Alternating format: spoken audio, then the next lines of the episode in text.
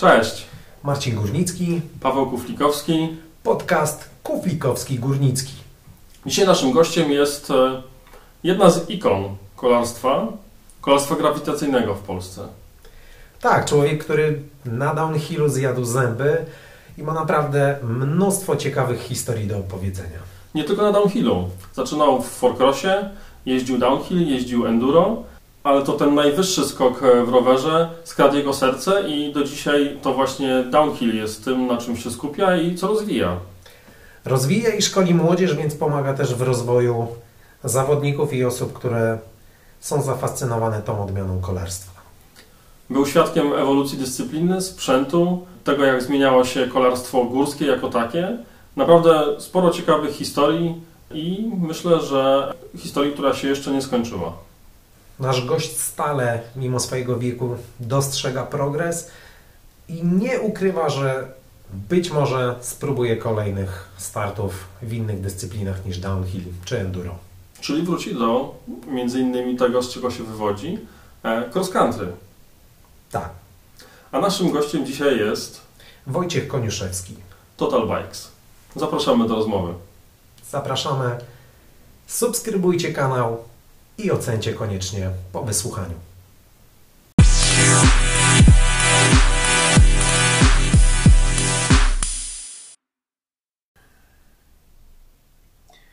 Wojtek, śmiałem się przed naszą rozmową, że dzisiaj mamy gościa, który jest starszy od kufla. A skąd jesteś- wiesz, starszy? Wszystko sprawdziliśmy, Mhm. także spokojnie. Ja mam wykasowane na Facebooku datę urodzenia, więc... Ale KRS są. Daliśmy radę dojść do takich informacji. Ty jesteś związany ze sceną grawitacyjną od przeszło 20 lat. Czy czujesz się takim dinozaurem? mm, dinozaurem? Nie wiem, no nie czuję się żadnym dinozaurem. Czuję, że jestem na tej scenie długo, ale, ale no nadal mi to sprawia Friday czuję się jak dzieciak raczej, jak na rowerze sobie jeżdżę, niż jak jakiś weteran, tak.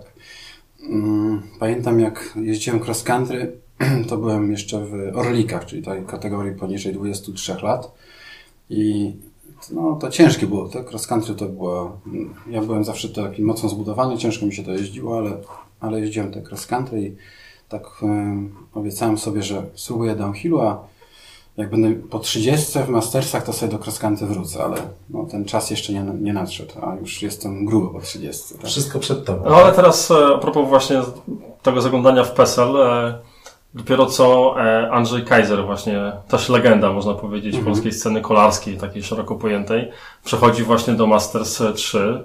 E, może to będzie taki moment przełomowy, kiedy powiesz, dobra, wracam. To jest 50? Tak, to jest 50 plus. Mhm. Jeszcze parę lat oczywiście masz, ale może to będzie taki moment, Wojtek wraca do cross country i No może, nawet już miałem tak. e, Teraz ostatnio kupiłem sobie rower do cross country, zacząłem na nim jeździć i mówię, może warto się pościgać, ale oj, ciężko, ciężko.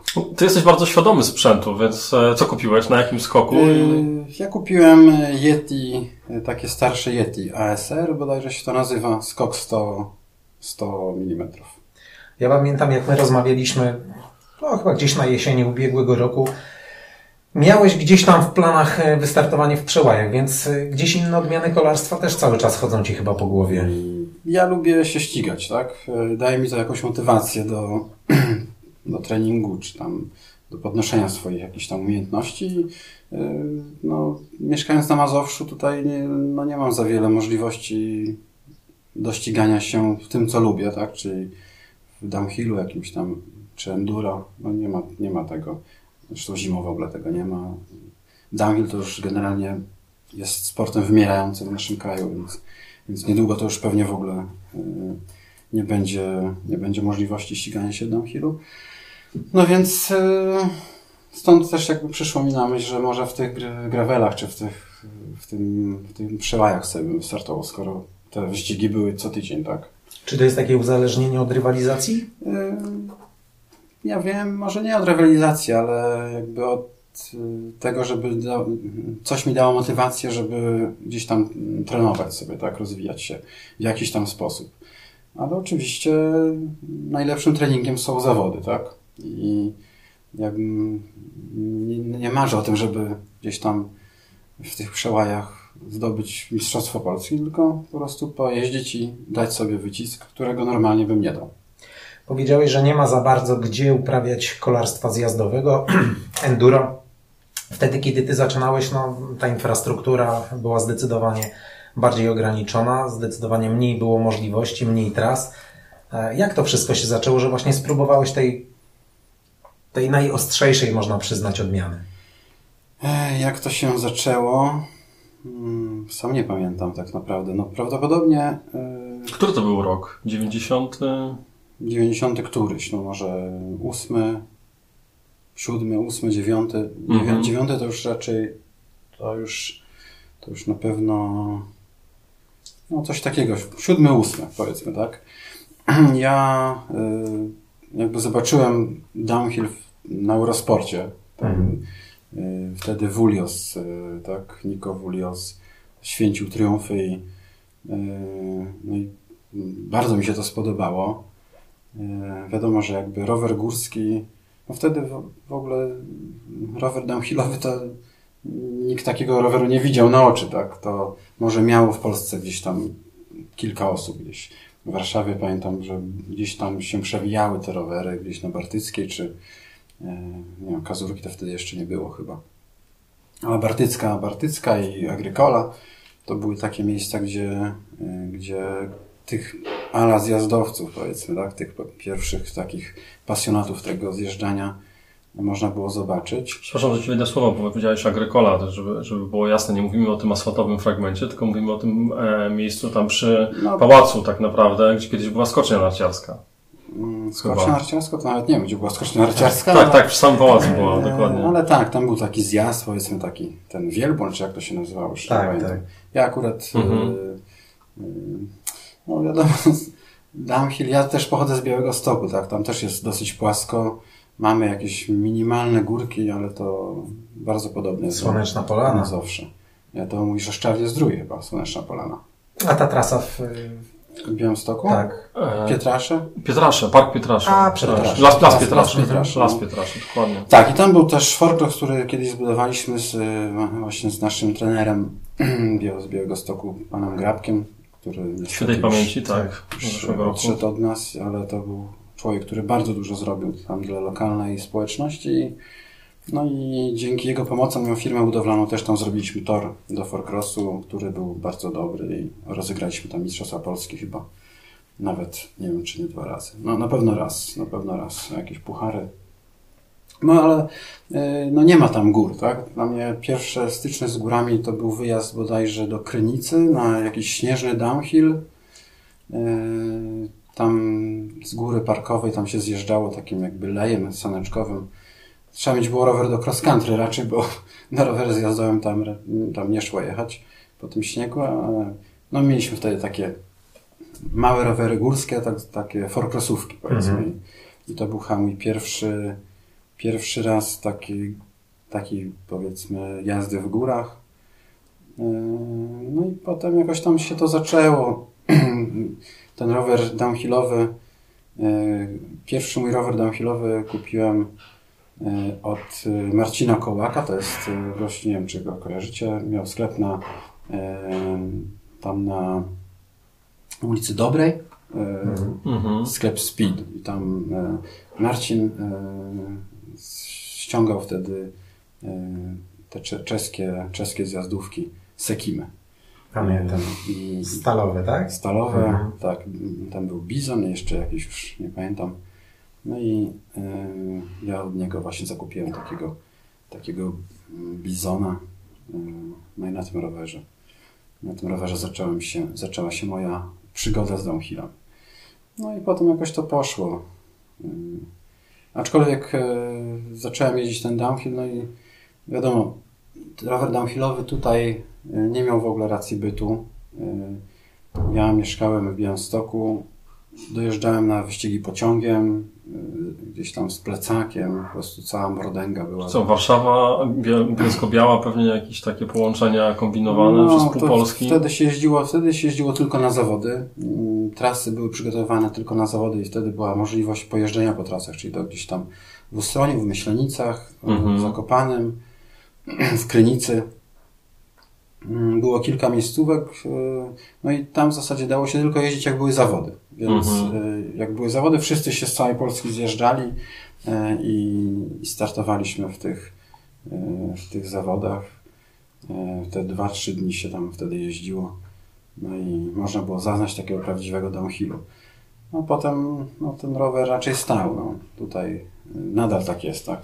Posiadanie zjazdówki w Warszawie mija się, mija się z celem, nie? Także Tak powiedziałeś o Agrykoli, powiedziałeś o Bartyckiej, to aż e, ciarki przeszły mi po skórze, no bo to są e, kultowe miejsca dla, dla, można powiedzieć, warszawskiej grawitacji, na których ja też jeździłem. Do niedawna jeszcze Bartycka była e, przejezdna, nazwijmy to tak. Były tam hopy, różne jakieś wąskie ścieżki. Niestety teraz coś tam nowego powstaje. Agrykola już dawno jest niestety pozamiatana. Czy są jakieś miejsca, gdzie można trenować ten downhill, to enduro w Warszawie poza powiedzmy Kazurą, gdzie, gdzie można jeździć? Mm, To znaczy, no, trenować downhillu, a nie enduro się raczej nie da. E, Można trenować Myślę, w jakieś, elementy, ewentualnie jakieś elementy, tak? dirtowe bardziej chyba w Yy, miejscówki są Znaczy, można się niż- przydać fizycznie, tak? Mhm. E, Wydaje mi się, że e, elementy, no, no cóż, no, na kazurce są skoki, tak? M, Których w downhillu ani w enduro za bardzo nie ma. E, Tam te, trzeba mieć ten rower też troszeczkę inaczej przygotowany. Jak tam pojedziesz na normalnej zjazdówce, to też nic nie skoczysz. Musisz mieć opony nabite do trzech barów e, albo założone jakieś cross-country'owe opony dobrze toczące się, bo na downhillowych oponach miękkich tam po prostu będzie za wolno. E, No, a jeżeli chodzi o taką jazdę techniczną, to może jakieś minimalne fragmenty gdzieś w Lasku Bielańskim, czy gdzieś tam na, w Powsinie. Mhm. Nie wiem, no ja No to są przyznać- takie zjazdy na 50 sekund, nie? Tak nawet nie naprawdę. wiem, czy na tyle. ja, ja w zasadzie tutaj w ogóle nie używam roweru ani downhillowego, ani endurówki. E, Jeżdżę tylko na, na nich, na tym sprzęcie w górach. I, no i tutaj nie wyciągam tego nawet z garażu, bo, bo to jest męczarnia po prostu. No właśnie, niby rozwija się ta infrastruktura, powstaje co chwilę jak grzyby po deszczu kolejny pump track, ale tych y, miejscówek dla tych właśnie e, endurowców, dla zjazdowców w takich miastach jak Warszawa ubywa. No, jest to oczywiste, ponieważ tutaj nie mamy, nie mamy gór, tak? Tak, tak, tylko ja tak sięgam pamięcią wstecz, jak to kiedyś Mhm. wyglądało. Wydaje mi się, że te miejscówki, które, o których mówisz, Bartycka, Agrykola, e, to były miejscówki budowane oddolnie Mhm. przez rajderów. E, Teraz e, raczej dzieciaki oczekują, że coś je, będzie zbudowane dla nich. Na gotowe. E, I sobie tam przyjadą pojeździć i raczej nie, nie widzę jakby e, tutaj takiego ruchu Oddolnego, tak. że dawajcie zbudujemy miejscówkę, tylko czemu nie mamy miejscówki? Tak? E, Szkoda, że w Warszawie nic nie zbudują. No, a kto to ma zbudować? Trzeba wziąć łopatę w garść i No, dokładnie. kopać, nie? Tak, tak kiedyś było, pamiętam, pod osłoną nocy. No. Łopaty do plecaków. Nadal tak powiedzmy miejscówki dirtowe tak powstają, Mhm. tak, na takim powiedzmy nielegalu, chociaż też już jest to coraz bardziej to idzie w kierunku jakiejś legalizacji.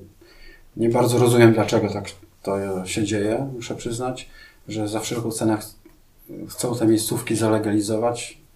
To jest jedynie, jakby to jest też jeden z powodów, dlaczego Bartycka przestała istnieć, tak? Tak, tak. Ktoś chciał to zalegalizować, miasto się dowiedziało, że tam coś jest i wjechał buldożer i wszystko zniszczył. Gdyby tam się mm, Nikt się nie upomniał, wychylania, żeby za, zróbmy tu, zalegalizujmy tą miejscówkę, to, to miejscówka by istniała nadal pewnie, nie? Więc, więc jakby ja jestem, że tak powiem, zwolennikiem działania takiego partyzanckiego bardziej niż, niż e, takiego działania, że tak powiem, zgodnie z jakąś tam linią mm, taką, mm, nie wiem, Prawa. jak to nazwać, no.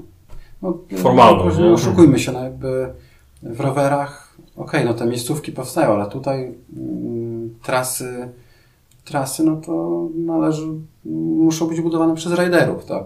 Bo oni najlepiej wiedzą, jak te trasy powinny wyglądać. Znaczy, tak, no ja teraz tam mm, parę razy byłem na takich e, wyjazdach z, e, między innymi z, Pi- z Piotrkiem e, Kurczabem z Glasensis i Mhm. wielokrotnie opowiadał historię właśnie o tym, że są podwykonawcy, którzy budują ścieżki, dostają wytyczne no i potem dopiero Piotrek, czy ktoś tam z okolicy, kto przejeżdża, weryfikuje, czy to jest rzeczywiście zgodne z myślą o, o jeździe na rowerze w takim e, tak, w myśleniu właśnie flow i, i singli, czy po prostu ktoś sobie sypnął żwirkiem na zasadzie da się, da się, ubite, Mhm. ubite, nie? Więc e, Oczywiście. myślę, że to oczywiście no, da się to robić jakby przez, przez osoby nie, nie, czy podmioty nie, nie związane z, z, e, z jazdą na rowerze, ale to musi być weryfikowane przez osoby, które to robią, czyli jeżdżą, nie? E, Moim zdaniem jakby trasę należy testować na bieżąco. Budować, przejechać kawałek, zobaczyć czy jest ten flow, czy to się wszystko klei i potem robić dalej, ewentualnie przerabiać. Jeżeli ktoś nie ma o tym pojęcia, nie jeździ na rowerze, no to, nie, to ciężko jest zbudować. To, to są jakieś ewenementy, że gościu, który nie jeździ, nie jeździ na rowerze, buduje, buduje dobrą trasę. I wiem, że gdzieś tam w Bielsku są takie osoby, które zajmują się budową, mają zajawkę na to. No i tam powstaje jakby to, to o czym wspomniałeś, tak, że te trasy nie powstają w Bielsku, tych tras powstaje bardzo dużo. Tam jest miasto, mm, są ludzie, są rajderzy i, i są warunki, tak, czyli są te góry i, i tam ludzie, y, ci rajderzy właśnie te trasy no, tak rzeźbią, że już miasto ma ich dosyć, nie? Jak to się stało, że, że twoje, można powiedzieć, życie już również zawodowe związało się z kolarstwem nawet nie górskim, co stricte grawitacyjnym, a mimo to jednak jesteś sporo czasu jednak tu w Warszawie, czy, czy pod Warszawą w, Mhm. w Otwocku mieszkasz, tak? Więc e, wie, wiele osób się przeniosło, w, e, wiążąc się z kolarstwem grawitacyjnym, przeniosło się w góry i tam jakby bazuje, a ty jednak e, jesteś na, na dwie nogi, nie? Na dwa miejsca. No tutaj mam rodzinę, tu mam dzieci, które są związane z tym miastem i no ciężko jest całą rodzinę przenieść gdzieś tam. Ja bardzo bym chciał oczywiście gdzieś tam się wyprowadzić na południe, e, bliżej gór, no ale na razie mm, nie jest to, nie jest to tak, e, takie proste. E, jakby no, jeżeli bym był sam, to pewnie byłoby łatwiej, ale moje życie też jest związane z życiem innych osób i, i dla nich też to byłaby duża zmiana, dlatego jestem tutaj. Mhm. Natomiast y, no, to jest też sport bardzo sezonowy, tak? Dopiero teraz, y, no ja wczoraj byłem w Wiśle i to było, wczoraj to był dopiero pierwszy dzień, kiedy było w miarę ciepło. Zaczęliśmy tam trasy trochę przygotowywać pod lato. Jest połowa maja, tak? Więc, Mhm. więc y, a potem już czasami już w październiku tam sypie śniegiem. Więc y, ten sezon jest dosyć krótki. No i ja ten, jakby tą całą resztę sezonu spędzam albo w Warszawie, albo gdzieś tam też czasem za granicą, w cieplejszych rejonach. I czy ja to będę dojeżdżał z Warszawy, czy z, czy z Bielska, to to jest nie, nie, No tak. niewielka różnica, tak? No ale było. jeśli, jeśli miałbyś taką możliwość e, przenieść się na południe, to No To to, dokąd bym się konkretnie? nie długo zastanawiał. E, Do Bielska. Do Bielska to jest miejsce, które, które to jest takim polskim Skłomysz, bym powiedział. mhm. E, mo- może nie Whistler, ale to jest miasto, które, do których przynoszą się rajderzy i, no i tam jest e, pod względem tras to jest po prostu sztos. Wspomniałeś Whistler. Planujesz jeszcze tam powrócić? Bo to taka Eee, Mekka zawsze była. To znaczy, Marzenie tak, tak. Y, Czy tam plan, planuję, to może za dużo powiedziane. No na pewno tam pojadę. Y, Nie wiem, czy w tym roku, bo, y, bo przez te obostrzenia troszeczkę y, te wyjazdy są utrudnione. Y, Szczepionki, jakieś testy i tak dalej. Kanada zresztą dosyć restrykcyjnie tam pod, podchodziła do tego. Miałem w planie jechać w czerwcu, ale to, to raczej nie wyjdzie. Y, Może we wrześniu, ale nie mam jakiegoś takiego mega ciśnienia, żeby tam jechać, bo byłem tam już wiele razy. Natomiast y, no na pewno bym chciał pojechać. Jest tam mój dobry kumpel, y, Radek Drozdowicz, nie wiem czy tam ko- kojarzysz Tak. Radka. On też jeździł w Forcrossie kiedyś, teraz on mieszka w Pemberton. No i też bardzo bym chciał go y, jakoś tam regularnie odwiedzać, bo zawsze nam się dobrze tripowało i, no i chciałbym gdzieś tam jakiegoś może z nim jakiegoś tripka uskutecznić. Ale w tym roku czy pojadę to nie wiem, bo plan taki był, ale no, życie to weryfikuje te plany często. Nie? Trzeba jednak parę tygodni mieć. Ja mam małe dzieci, y, dla których taka rozłąka to się wydaje, że to Wieczność. tak, dokładnie gdzieś tam na dwa czy trzy tygodnie zniknąć. Nie? No i tak wakacje sporo wyjeżdżam, nie mam mnie, nie mam mnie w domu, więc no tak czuję się trochę winny, że gdzieś tam znikam tak na kolejne tygodnie. Zwłaszcza, że tam ten wyjazd do Kanady to, to już nie jest taka praca, Mhm. tylko tak bardziej to się jedzie dla siebie, nie? Ale oczywiście, no, fajne miejsce. Fajne miejsce, no i sam Whistler wbrew pozorom y, to nie jest jakaś super atrakcyjna miejscówka z mojego punktu widzenia. Bike park jest ok, ale takie bike parki mamy też w Europie. Natomiast no, to, co tam się buduje lokalnie, to jest po prostu coś, coś pięknego. Nie? Te traile, które robią lokalesi, takie nielegalne traile, mhm. budowane właśnie oddolnie, e, one są później legalizowane właśnie. Tam jest takie ciekawe, e, ciekawa taka zasada, że budowany jest trail, ktoś go tam buduje, potem ludzie jeżdżą i tak jest jakaś aprobata, że jest fajne, no i to potem dopiero jest gdzieś tam formalizowane i legalizowane ale raczej tam 90% trail jest na nielegalu robionych i są naprawdę po prostu. Czyli wychodzi na to, że łatwiej jest tam z takimi kwestiami formalnymi. No, nie wiem, czy łatwiej. Znaczy właśnie nie, no właśnie większość jest nielegalna, tak, więc... Tak, tak, ale, ale później są legalizowane to. Yy, no, nie wiem jak to wygląda, ktoś mi to kiedyś tłumaczył, ale, ale generalnie to to raczej, raczej jest tam, też nie jest to takie oczywiste, mhm. ta legalizacja tego. Wydaje mi się, że to, to wszystko się rozbija o kwestię, kto bierze odpowiedzialność za ewentualne wypadki. Tak, tak no to tego w Stanach czy tam w Kanadzie tego się bardzo obawiają, chociaż, no, chociaż yy, nie wiem, na przykład z Colbym kiedyś rozmawiałem, Colby siedzi w Kalifornii E, mhm. i mówi mi o jakimś trailu, chyba Enchilada Trail, coś takiego. Że tam rocznie to giną przeważnie ze dwie osoby przynajmniej. Dobra rekomendacja. No i kurde, no i nikt tego nie zamyka. Mhm. Nie, nie. E, A nie byłeś każdy... Nie, nie, ja mhm. w Stanach nie byłem. Jakoś to, że trzeba mieć tam wizę, trzeba się no, o to tak. starać, to zawsze mnie to zniechęcało. Teraz chyba wizy już nie trzeba, ale, no, ale jakoś do tych Stanów mi nie po drodze, nie?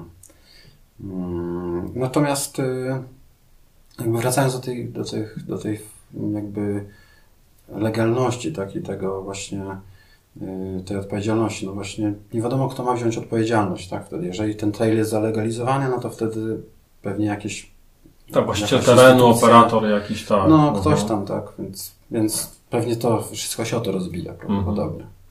Wojtek, wracając do korzeni, czy Twoje początki w downhillu można porównać do współczesnego cross country? Dzisiaj na przykład będziesz miał e, możliwość na Red Bullu obejrzenia wyścigu short tracka e, w Nowym Mieście na Morawie. Mm, znaczy, chodzi Ci o jakby samą O trudność tras, o przeszkody. Czy jest to porównywane? Eee, to znaczy... No, czy może nie kiedyś, śledzisz? Widziałem gdzieś tam te, może nie, short track, czyli co to jest, jakiś krótka pętla? Krótki 20-minutowy wyścig, mhm. pomagający w rozstawieniu. Mm, nie, nie śledzę teraz cross mhm. country, muszę przyznać, nie oglądam tego za bardzo. Y, natomiast y, no wiem, że te trasy się zmieniły i są, gdzieś tam widziałem w Aldisole, ta trasa idzie kawałkiem trasy forklasowej, tak? Mhm. I tam skaczą te jakieś małe chłopaczki. Tak. Y, też no, kiedyś gdzieś tam byliśmy na wyjeździe z Radkiem, to on dla Cannondale'a kręcił filmik i tam byli goście z cross country, którzy normalnie jeździli po trasach downhillowych, e, więc na pewno ten poziom e, tych tras cross country też jest e, jakiś tam wymagający. No, podejrzewam, że to, co było na początku jakby u nas downhill, no to po prostu była, był gdzieś tam zjazd z górki jakąś ścieżką, niezbyt wymagającą. Podejrzewam, że na cross countryówce też da, dałoby się to zjechać. Natomiast no to wiadomo, wszystko ewoluowało, tak? Wtedy jakby cross country, no to no, chociaż też no, były elementy trudne, tak? W Polanicy pamiętam ten wyścig cross country miał taką ściankę, że naprawdę trzeba tam było y, konkretnie się do tego przygotować, nie? I mieć psychikę, że to zjechać. Czy ten twój pierwszy rower jeszcze zanim kupiłeś Sekima, ten na którym zjeżdżałeś, to już był wyposażony w amortyzatory, czy to było totalnie przedni rower? tylko. Miał, tak? przedni.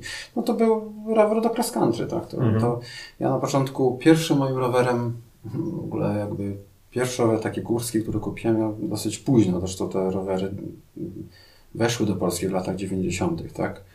E, ja wtedy już miałem tam 17 lat, czy coś takiego. Kupiłem taki rower taki, no teraz byśmy powiedzieli, że to marketowy rower, tak? Mhm. Mm, Wtedy sprzedawca zachwał, że to jest jakiś włoski zajebisty rower. O, przepraszam, nie wiem, czy mogę tak mówić, takie... O, To się wypika najwyżej. E, Girardengo, pamiętam, to się nazywało. Wielkie takie rury, bardzo mi się to spodobał, ten rower. A wtedy e, byłem po mojej pierwszej pracy w Anglii i, sobie ten rower kupiłem. E, Zacząłem gdzieś tam próbować skoków ze schodków, coś tam. Zaraz odpadł mostek. Okazało się, że mostek jest e, w ogóle jakiegoś wymiaru takiego, że już nie da się tego kupić. Trzeba było to zespawać. E, No i tak powoli go upgrade'owałem.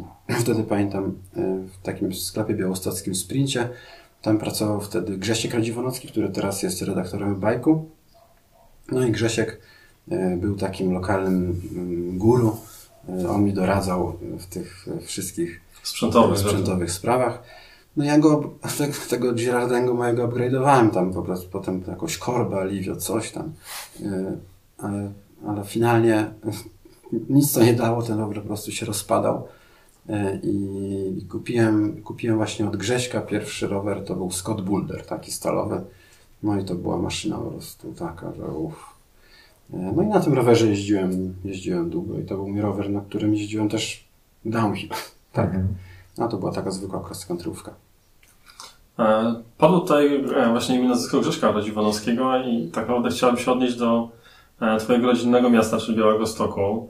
E, Tak jak e, rozmawiam z kolejnymi osobami, rozmawiamy z kolejnymi osobami, e, tych nazwisk związanych z kolarstwem z Białego Stoku jest naprawdę dużo. Mhm.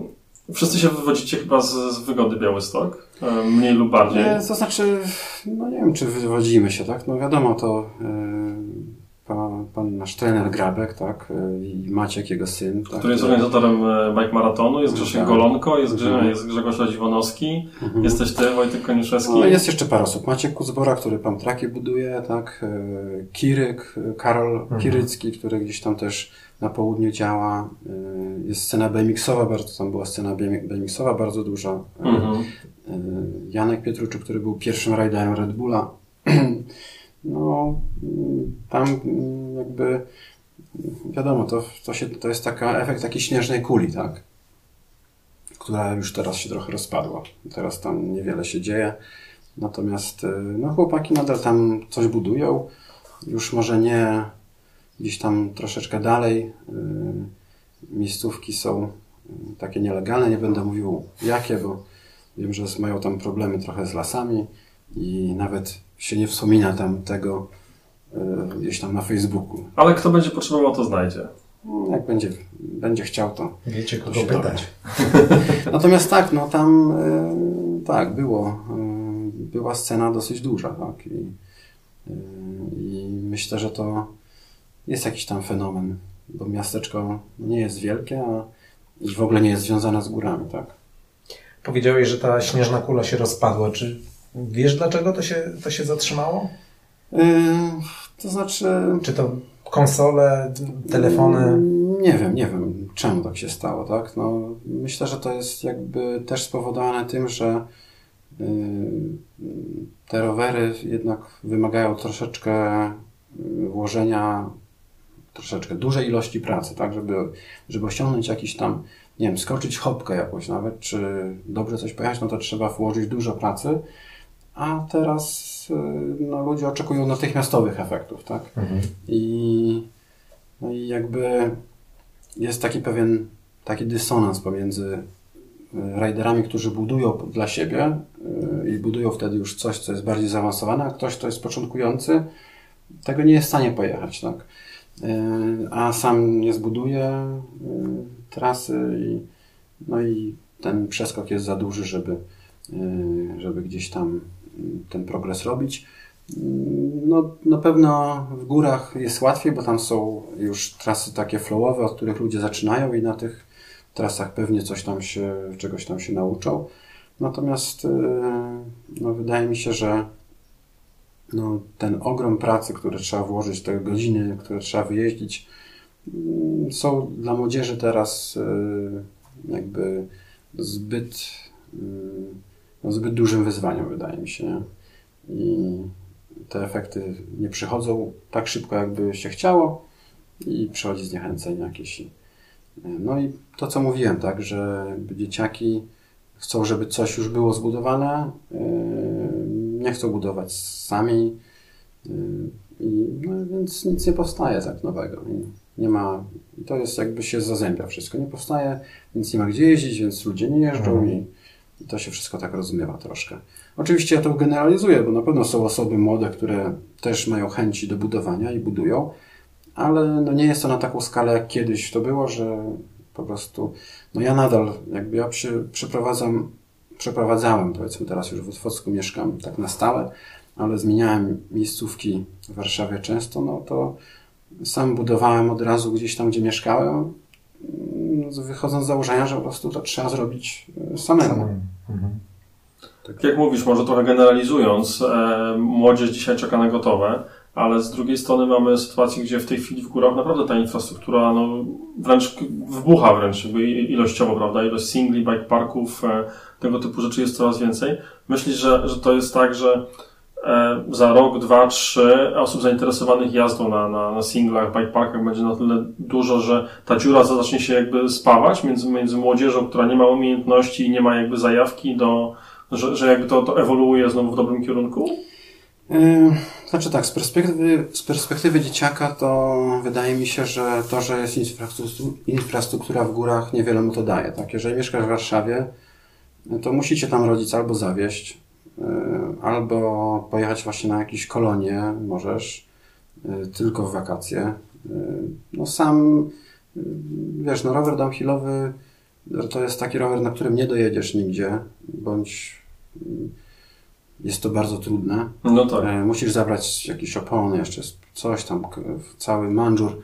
Pociągiem pojechać oczywiście możesz. Ja tak jeździłem, ale wymagało to ogromnej determinacji i wydaje mi się, że jest to duży po prostu mhm. jakby duży wysiłek. Logistyczne też wyzwanie. Tak, no i, i, no i tutaj y, no ja widzę sam po swoich jakby podopiecznych takich obozowiczach, tak, że oni nie mają możliwości jeżdżenia tak na co dzień, y, bo nie mają samochodu, okej, okay, mogą mieć samochód, ale nie mają prawa jazdy.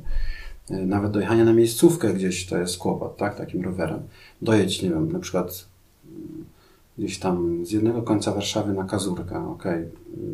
Czasem podjedziesz metrem, ale czasem jak metro jest pełne, to nie wejdziesz z tym rowerem. No tak, bo to jest i no. szeroka kierownica, i no. wysoki skok, więc Dokładnie. to jest naprawdę kawał maszyna. Więc jakby to się na pewno, na pewno się rozwija, te, te takie kolarstwo grawitacyjne, rekreacyjne bym powiedział. Mhm. Czyli te wszystkie traile y, y, i ośrodki tam, Szczyrk, y, Wisła, czy gdzieś tam no jakby wszystkie te kurorty teraz mają w ofercie tak? Mhm. takie, takie trasy rodzinne, tak to się reklamuje.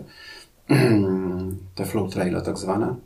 Natomiast y, no, trzeba tam mimo wszystko pojechać. Y, jeżeli jesteś dzieciakiem, to musisz jechać z rodzicem. Jeżeli rodzic nie jeździ, no to, to wiesz, to nie wiem, czy ma na tyle determinacji, żeby jechać na drugi koniec Polski, żeby dzieciak jego pojeździł sobie po bike parku. A... Mhm. Okej, okay, no pewnie niektórzy rodzice też takie poświęcenie robią.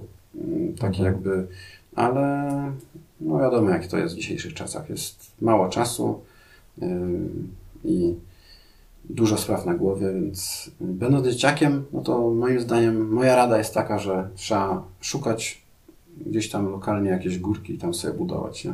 żeby jeździć. Ty Wojtek w 2006 roku założyłeś firmę Total Bikes, która szkoli właśnie e, młodzież, szkoli dzieci. Powiedz, kto jest takim typowym obozowiczem, jakbyś miał scharakteryzować? Hmm, znaczy, no ja mam jakby taką młodzież, mm, na obozach młodzież, y, dzieciaki, które zaczynają sobie y, jeździć ten downhill. Nie są to, ja, jak zaczynałem, to raczej moimi te obozy, które y, zacząłem robić, mm, chciałem, żeby to były takie bardziej pod zawodników młodych mhm. Obozy, tak, jakieś zgrupowania. No wiadomo, kiedyś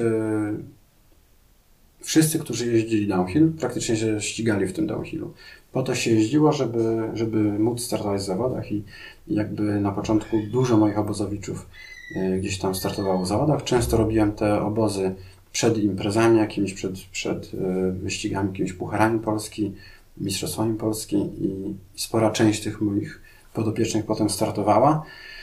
No teraz się to już e, zmieniło bardzo. Wydaje mi się, że młodzież nie ma w ogóle zajawki na, na racing, że na rywalizację jako taką. Raczej to jest takie jeżdżenie na luzie.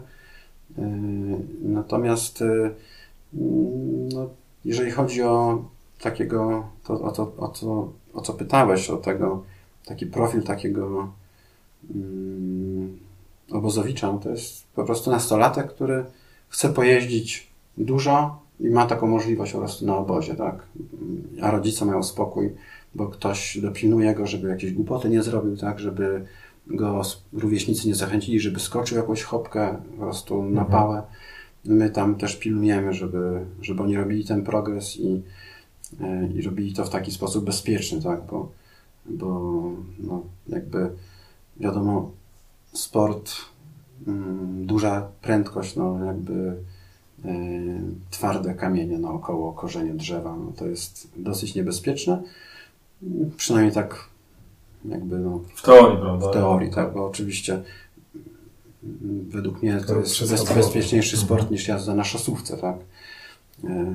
Bo wbrew pozorom nie ma tam właśnie samochodów, nie ma innych osób na trasie, tak, które ci gdzieś tam kolizję Sam jesteś od siebie zależny. No i, i, możesz to kontrolować, tak, no wiadomo, górka jest stroma, masz hamulce i zawsze można gdzieś tam i szczerze mówiąc, no to tych kontuzji za wiele nie ma. U mnie przybija się kilkaset osób na, na obozach, a tych kontuzji jest kilka, tak? Więc są to też drobne rzeczy. Jakaś tam złamana ręka, złamany obojczyk, znaczy no okej. Okay. Wiadomo, są to jakieś poważne sprawy, ale nie, nie są to takie kolizje jak na szosówce walniesz i muszę to potem zwalniać zagrożenie życia po prostu, tak. No, jeszcze nie zdarzyło mi się przez te tam 15 lat, czy tam ile, e, mieć e, sytuacji, że, że ktoś ma zagrożenie życia. Tak? No, mhm. okay, była taka jedna sytuacja, ale gościu się po prostu zasłapł i wywrócił się na wycieczce w Krynicy, upadł, e, uderzył głową w chodnik. No i się zdarzyło się to po prostu na takiej wycieczce do Krynicy, mhm. nie na rowerze. Natomiast no, jakby co ciekawe, to, to ta młodzież to, to, to są te osoby, które jeżdżą na downhillówkach. To jest, są jedyne osoby, które które ratują ten downhill jeszcze w Polsce, bo, bo już tak jak wspomniałem wcześniej, ten downhill gdzieś tam umiera i jedynie dzieciaki jeszcze mają na to zajawkę. Tak? Czy ty żałujesz, że to poszło w takim kierunku, że właśnie nie ma już tej młodzieży nastawionej na racing, na ściganie się, tylko bardziej takie, no nie chcę powiedzieć turystyczne, ale okazjonalne, spokojne jeżdżenie. Rekreacyjne.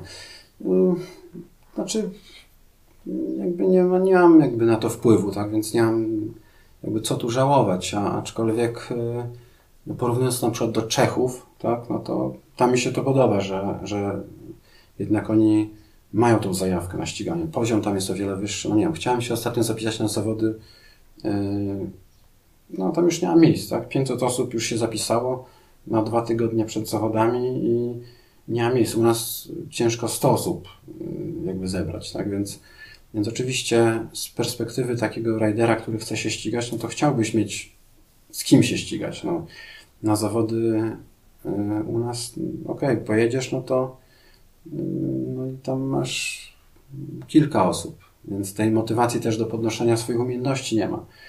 Y, I to tak się trochę zapętla.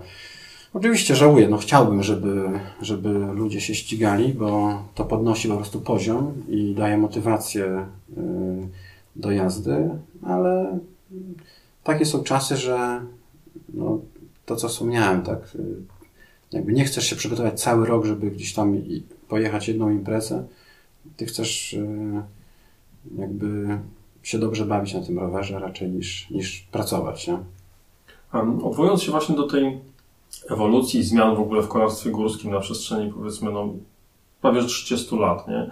E, wspominałeś, że e, zaczynałeś gdzieś tam od Forcrossa, e, potem poszedłeś downhill, wcześniej jeszcze było cross country. Dzisiaj mamy początek kolejnej dekady. Cross country zdaje się być tą dyscypliną wiodącą jako dyscyplina olimpijska. O Forcrossie w Polsce prawie już nie słychać. Dual Salon tak naprawdę przestał istnieć. Potem, tak jak mówisz, był, był taki, można powiedzieć, boom na downhill. E, teraz ludzie przesunęli się jeszcze bardziej chyba w kierunku enduro, czyli też takiej może bardziej jazdy rekreacyjnej. E, Mhm. To jest jakaś taka naturalna ewolucja e, tej powiedzmy dyscypliny grawitacyjnej, czy, czy, czy były jakieś takie momenty zwrotne, dlaczego na przykład e, Folkross w Polsce no, praktycznie umarł? Nie, nie tylko w Polsce. Folkross y, był, że tak powiem, wyeliminowany przez UCI w pewnym sensie, tak? Y, nie wiem na ile jest to prawda. Y, słyszałem taką teorię, że y, ten Komitet Olimpijski chciał prowadzić nowe dyscypliny kolarstwa. Mhm. I, no i Forkos był na celowniku, że jako, jako dyscyplina bardzo taka widowiskowa. Natomiast, no nie oszukujmy się, w UCI czy w PZK nie siedzą goście od grawitacji, bo to jest taka oddolna Tak. w ca- na całym świecie, tak? Raczej jest to taka, taka oddolna dyscyplina, tylko siedzą goście od szosy i od cross country ewentualnie, tak? Bo to było powiązane ściśle. Yy, I, no i UCI z, jakby zlikwidowało Puchar Świata w Forcrossie, yy, wprowadziło coś bardzo podobnego, czyli ten eliminator, tak? Mhm. Który też już chyba nie istnieje de facto. Coś tam jeszcze funkcjonuje, Coś tam jeszcze jest taka raczej wydmuszka. E, czyli, czyli był to taki, taki jakby forkros pod górkę, załóżmy, który e, spełniałby te e, wymogi tego, tego Sportu jakby na, na widowiskowego. olimpiadę. Tak? Mhm. No i jakby Forkos zos- został wyeliminowany przez, przez tego eliminatora, Mhm. że tak powiem. No i co ciekawe, no pierwsze zawody gdzieś tam były w Belgii, w tym Hufalize. E, Wygrał je chyba Lopes, o ile pamiętam, też z Forcrossu gościu, tak? Czy tam któryś Forcrossowiec, chyba Lopes właśnie wygrał te zawody. No to wtedy wprowadzono e, zasadę, że żeby startować w eliminatorze, musisz mieć punkty z wyścigu cross country, tak? Żeby wyeliminować tych, tych, e, Mhm. tych gości, gości z To- e, Forcrossu. Oczywiście, no to brzmi już jak świadome działanie na szkodę dyscypliny. No, I Forcross, Forcross jakby przestał istnieć, tak? No, niby są jeszcze Mistrzostwa Świata w Forcrossie rozgrywane, W Waldisole praktycznie chyba co roku, nie? y, no, gdzie Tam są mistrzostwa, tak? Tak, tak, tak. E, W Waldisole no, często są rozgrywane oczywiście. E, No, w Anglii Forcross jest w miarę mocny, tam nadal są te zawody rozgrywane. E, Jest ten e, Forcross Pro Tour, czyli Mhm. taki powiedzmy prywatny puchar świata w Forcrossie. E, No ale oczywiście no, nie ma mm, jakby nie ma wsparcia UCI, więc, więc ciężko jest ze sponsorem i, Mhm.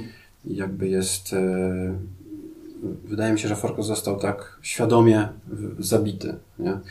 Druga sprawa to jest taka, że to jest trudna dyscyplina, tak? Na początku w, w imprezach takich polskich startowało bardzo dużo ludzi. Była, e, był ten cykl e, Superliga. E, To Mhm. To było coś, co, nie wiem, postartowało po 300 osób na Forcrossie, tak? Trasy były łatwe, każdy mógł sobie tam przejechać, no i wraz jakby z rozwojem tej dyscypliny rajderzy byli coraz lepsi, tak? Kształtowała się grupa rajderów, którzy gdzieś tam aspirowali do y, poziomu światowego, to może nie poziomu, tylko do startu w imprezach światowych, tak? Że, Mhm. ale żeby startować w imprezach światowych, no to musi, trzeba było podnosić trudność tras, więc jak, a jak się podniosła trudność tras, wtedy mnóstwo tych ludzi, Mhm. powiedzmy 250 osób już nie dało rady przejechać tej trasy, bądź na pierwszej hopce no, nie mogli jej przejechać, więc, więc już jakby sens ścigania został utracony, tak? Bo jeżeli nie możesz skoczyć pierwszej przeszkody cię, bądź którejś na przeszkody, no to potem mówisz, no, no dobra, to ja nie będę startował i potem startowało tyle osób, tyle, na końcu skończyło się, że nie wiem, że startowało kilkanaście osób, tak, w Szczawnie.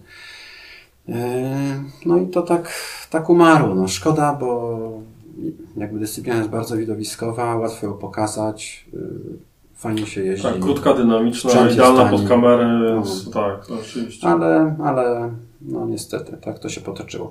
No i teraz y, mamy to enduro, o którym wspomniałeś. Y, Już nie mówię o zawodach enduro, bo one też, y, że tak powiem, to kuleje bardzo. Ludzie nie chcą się ścigać.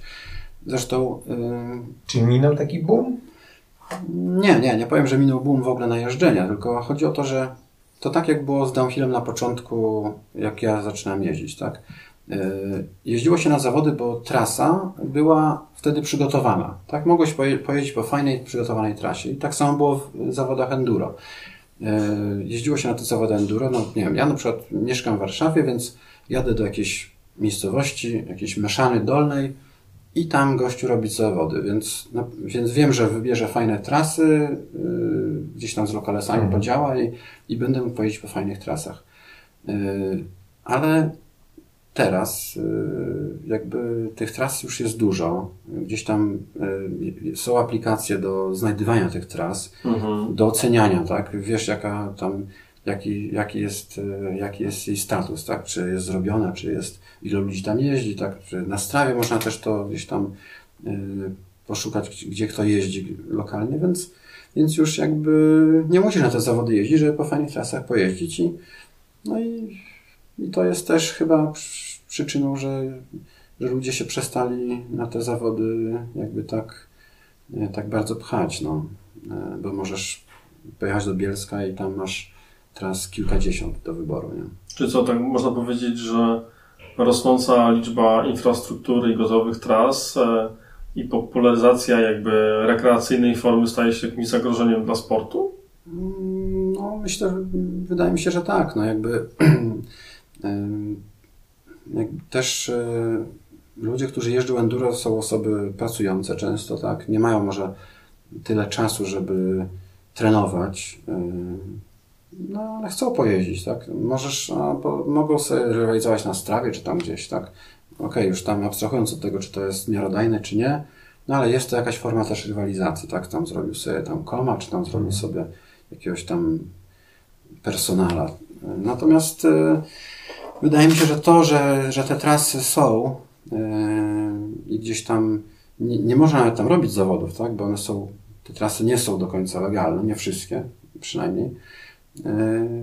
I nawet jakby osoby często, które je budują, to nie chcą, żeby, żeby tam jeździło za wiele osób, nie? Mhm. Gdzieś tam. Więc no, nie potrzeba jeździć na zawody. Jak ty się, Wojtek, zapatrujesz na enduro? Czy to też skradło twoje serce, tak jak e, downhill? No bo wystarczy spojrzeć na wielu zawodników, którzy e, jeździli w downhillu i przesiedli się na endurówki, na przykład Sam Hill, tak? Mhm. E, to znaczy, ja startowałem w kilku wyścigach enduro. E, muszę przyznać, jakby na początku e, to były jeszcze zawody jakieś tak, z tego forum Enduro Trophy chyba, czy coś takiego. Mhm. Podobało mi się to, taka jazda w górach, tak? To, to mhm. było dla mnie taka forma, no to było troszeczkę też powiązane z, z cross country, można powiedzieć. Tam był też odcinek podjazdowy, czy tam dwa.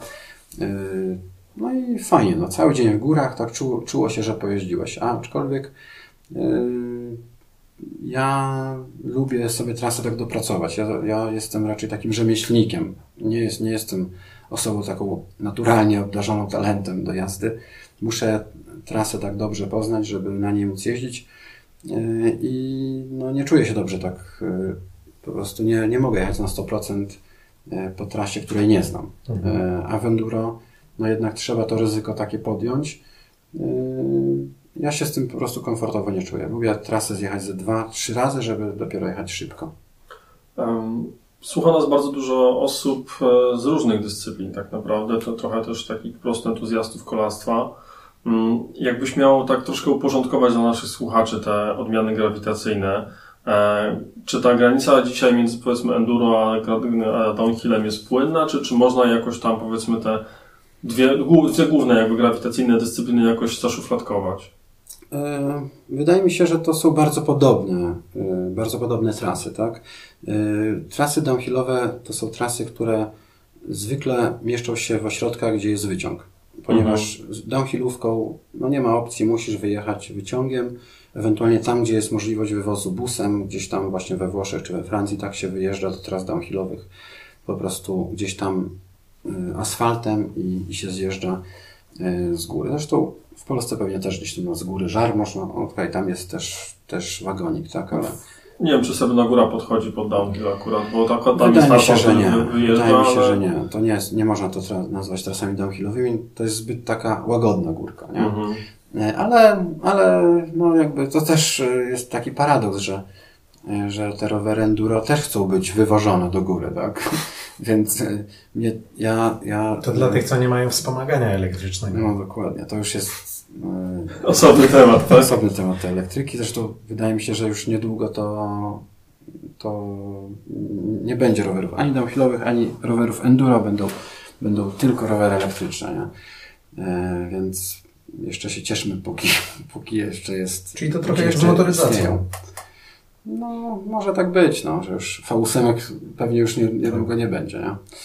Natomiast e, jeżeli tak, e, jeżeli chodzi o taką, takie roz- rozdzielenie, tak, tych, e, tych za, za, znaczy zawodów, no, tych dyscyplin, tak, downhillowe trasy na pewno są mniej pokręcone i przez to szybsze po prostu. Mhm. Na niej są, są gdzieś na nich duże skoki. Na pewno są po prostu szybsze ogólnie. No a trasy enduro są to bardziej takie naturalne yy, Mhm. ścieżki. Jakieś tam może małe skoki też są, ale to jest wszystko yy, powiedzmy yy, w takim mini, mini downhill. Mhm.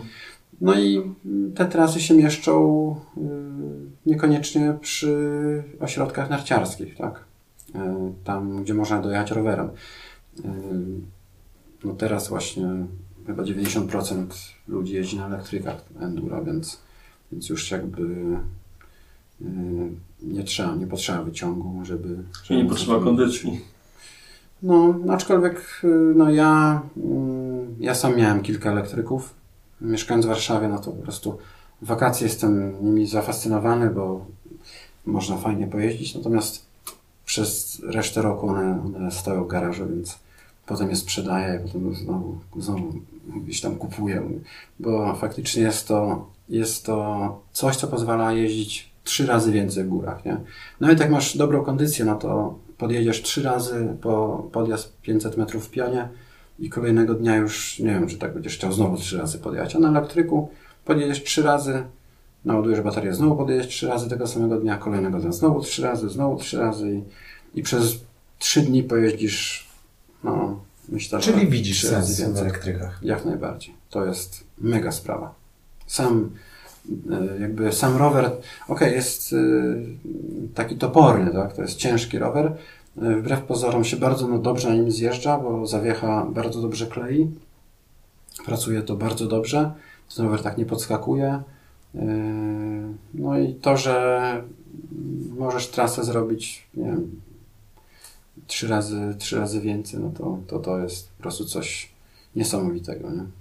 No tak, czyli jakby zachowujemy tą, ten fan ze zjazdów, a niekoniecznie, czy nadal wykonując pewien wysiłek na podjeździe tak, tak, bo oczywiście. powiedziałeś, że nie trzeba kondycji, to Żartuję nie do końca się z oczywiście. tym zgodzę, bo, Tak, tak. bo, bo to bym powiedział, że nawet mo, może pomóc e, w zrobieniu kondycji, bo e, jak zrobisz, e, posiedzisz na tym rowerze, możesz jeździć na nim, podejrzewam, załóżmy, że rano zrobisz sobie te 1500 metrów w pionie, no to jest gdzieś tam 5 dobrych zjazdów w górach e, i podjazdów.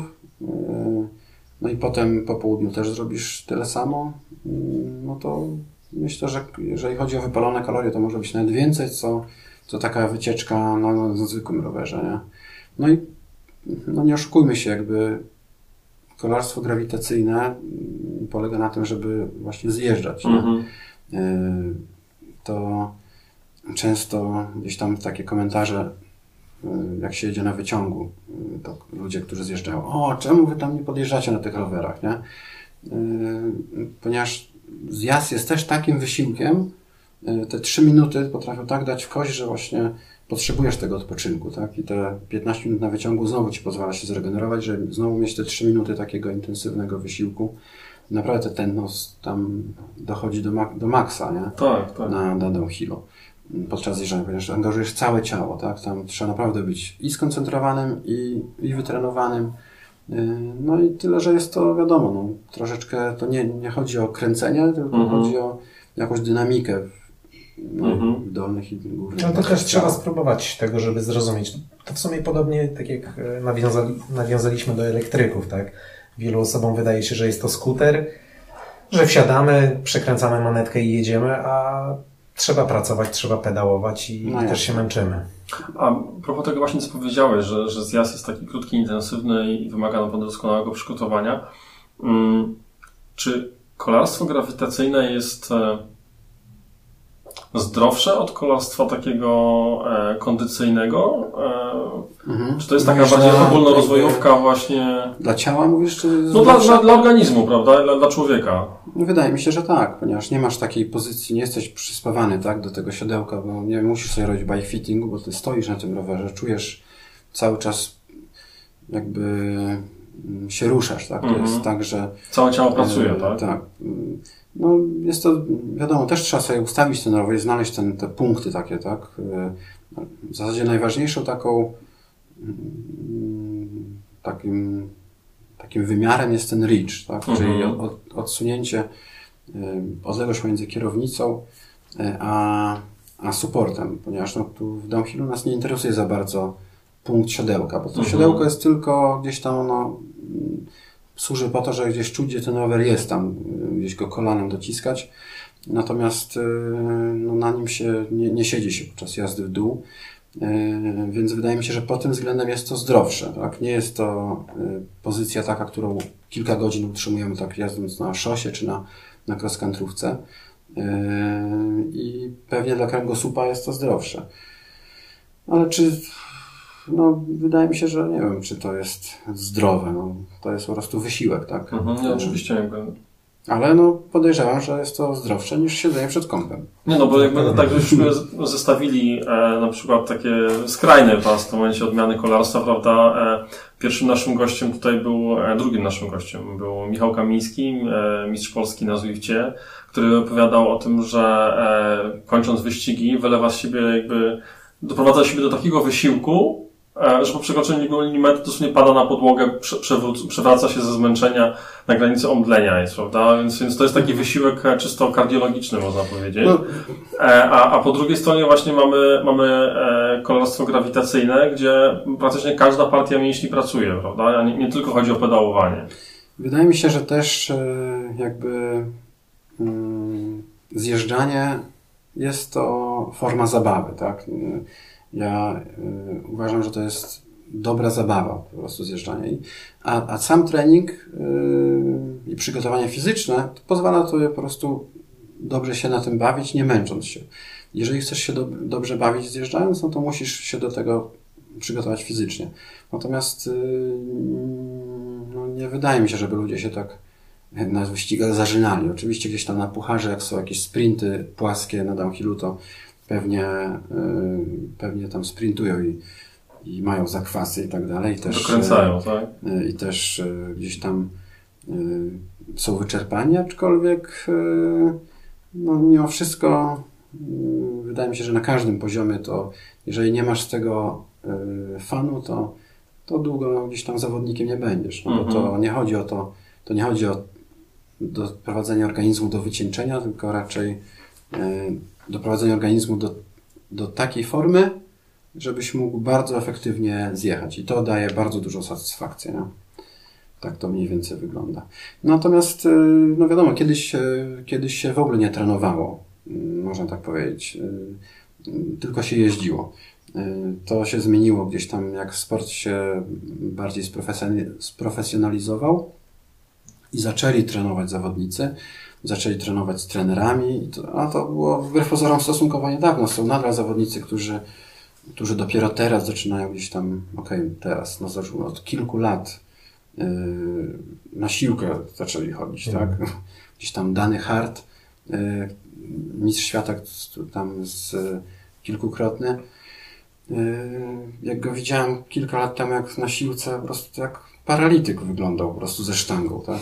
Jeszcze on taki malutki jest przecież. No, malutki, grubiutki. także, także to, mm, ale to się zmienia, tak? To się zmienia. Teraz ten downhill już jest bardzo tak, już teraz trzeba naprawdę trenować.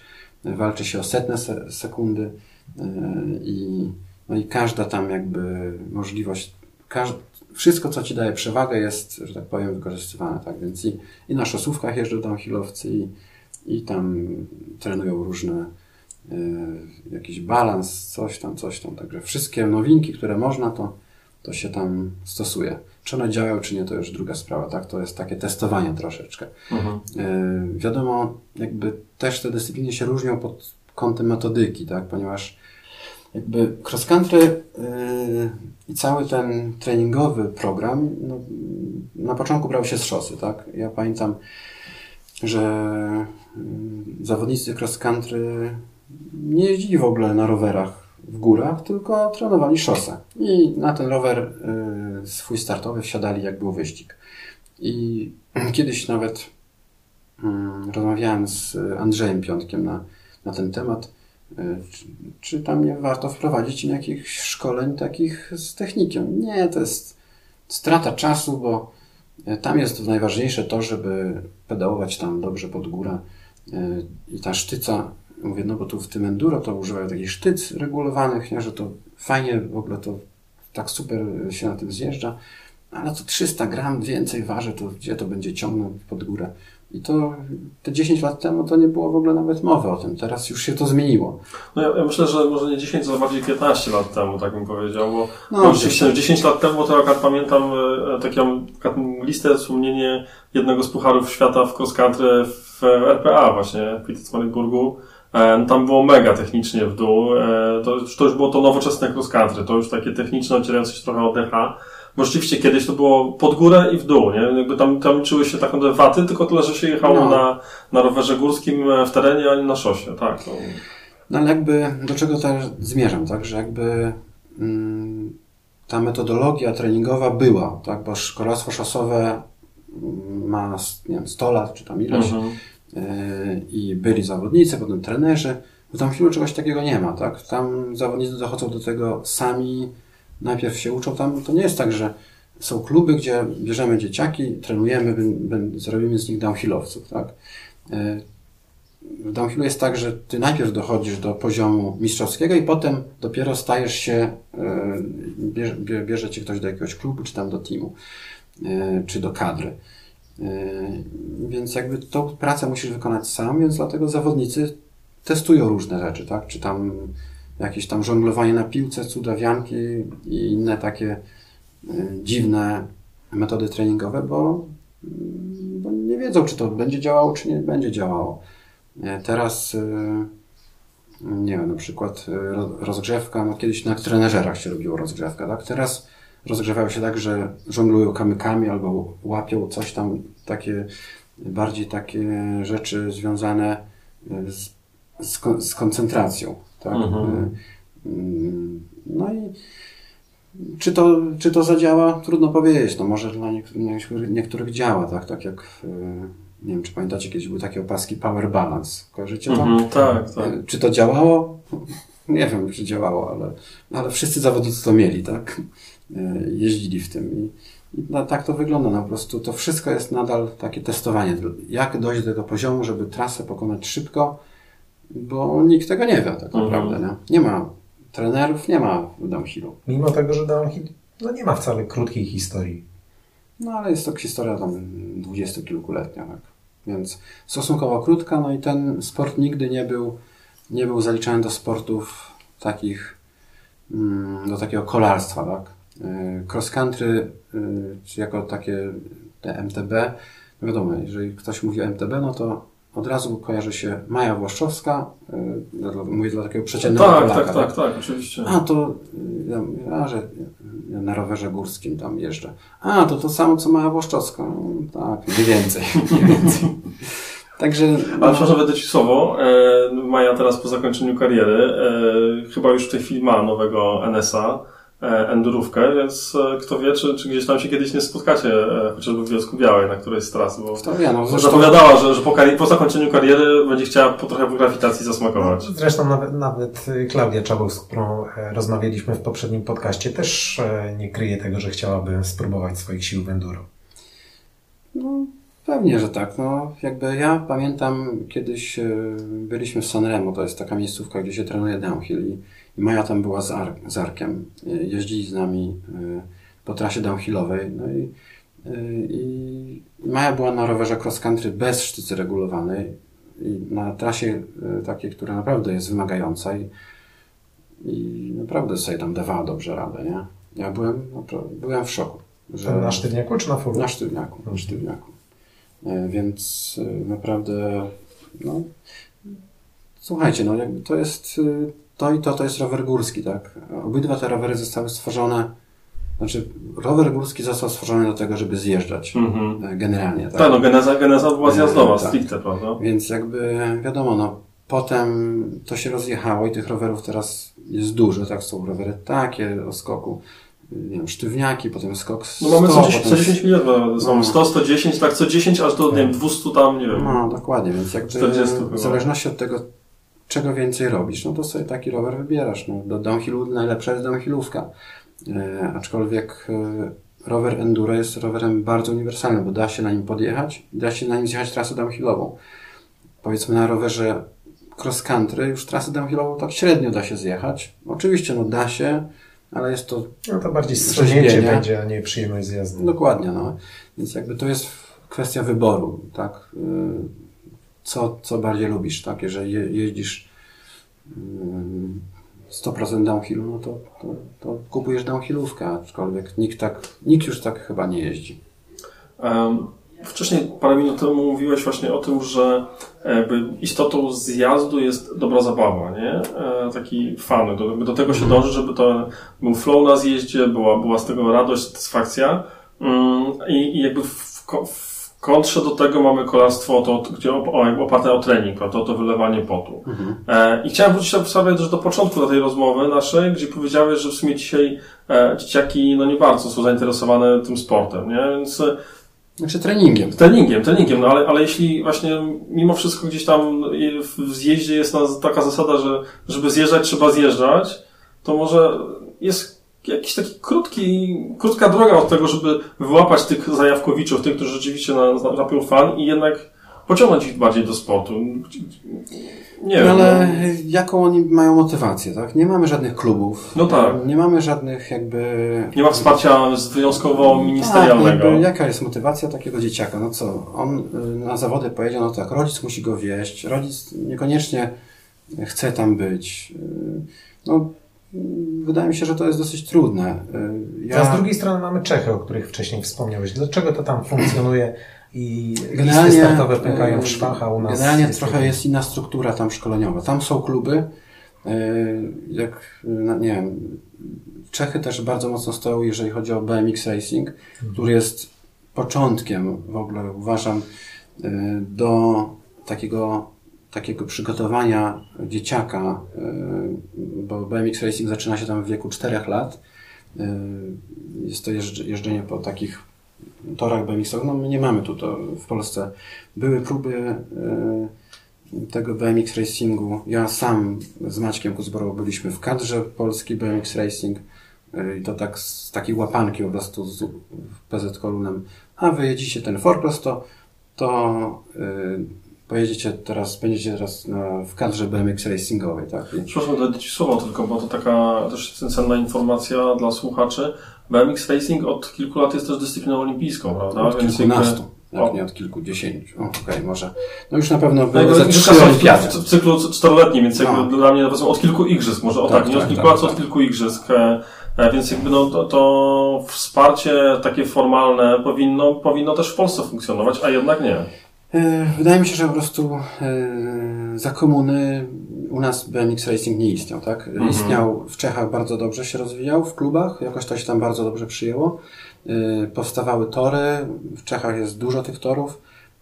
Każdy klub, no są te kluby, mają swoich zawodników i to są mnóstwo kategorii. Dzieci 4, 6, potem 7, 8, 8, 9, 11 mhm. i tak dalej jak ja jeździłem ze swoim synem na zawody y, właśnie do Czech, y, to po prostu jest to super impreza, tak? taka rodzinna. Mhm. Y, tor ma cztery proste po 50-70 metrów, wszystko widać, trybuny. Jest to jakby Dzieci sobie jeżdżą, bawią się, y, potem jeżdżą starsi, potem elita, seniorzy, mastersi, kobiety, mhm. mnóstwo, mnóstwo tych y, kategorii. Y, no i to się tam tam się to jakby klubowo Mhm. bardzo dobrze działo. No i to przeszło potem jakby na MTB, tak? Mhm. Ponieważ wszyscy rajderzy, którzy byli dobrzy z forecrossu y, czy z downhillu czescy, to, to wychodzą się z BMX-a, z BMX racingu. I zresztą e, chyba tak mi się przynajmniej wydaje, by wejście takie finansowe w BMX Racing też nie jest bardzo zbyt wysokie, bo ten rower Tak, nie jest tak. tylko chyba Prosty skomplikowany. Prosty rower tani. No y, właśnie. Jakby...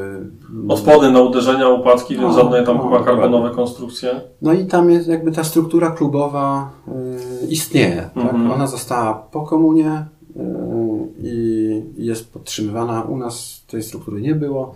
Były kluby szosowe, y, były kluby, okej, gdzieś tam y, na południu pan Kramarczyk próbował, y, Mhm. tak z tym BMX, BMX-em, bo on prowadził sekcję trialową. Tak.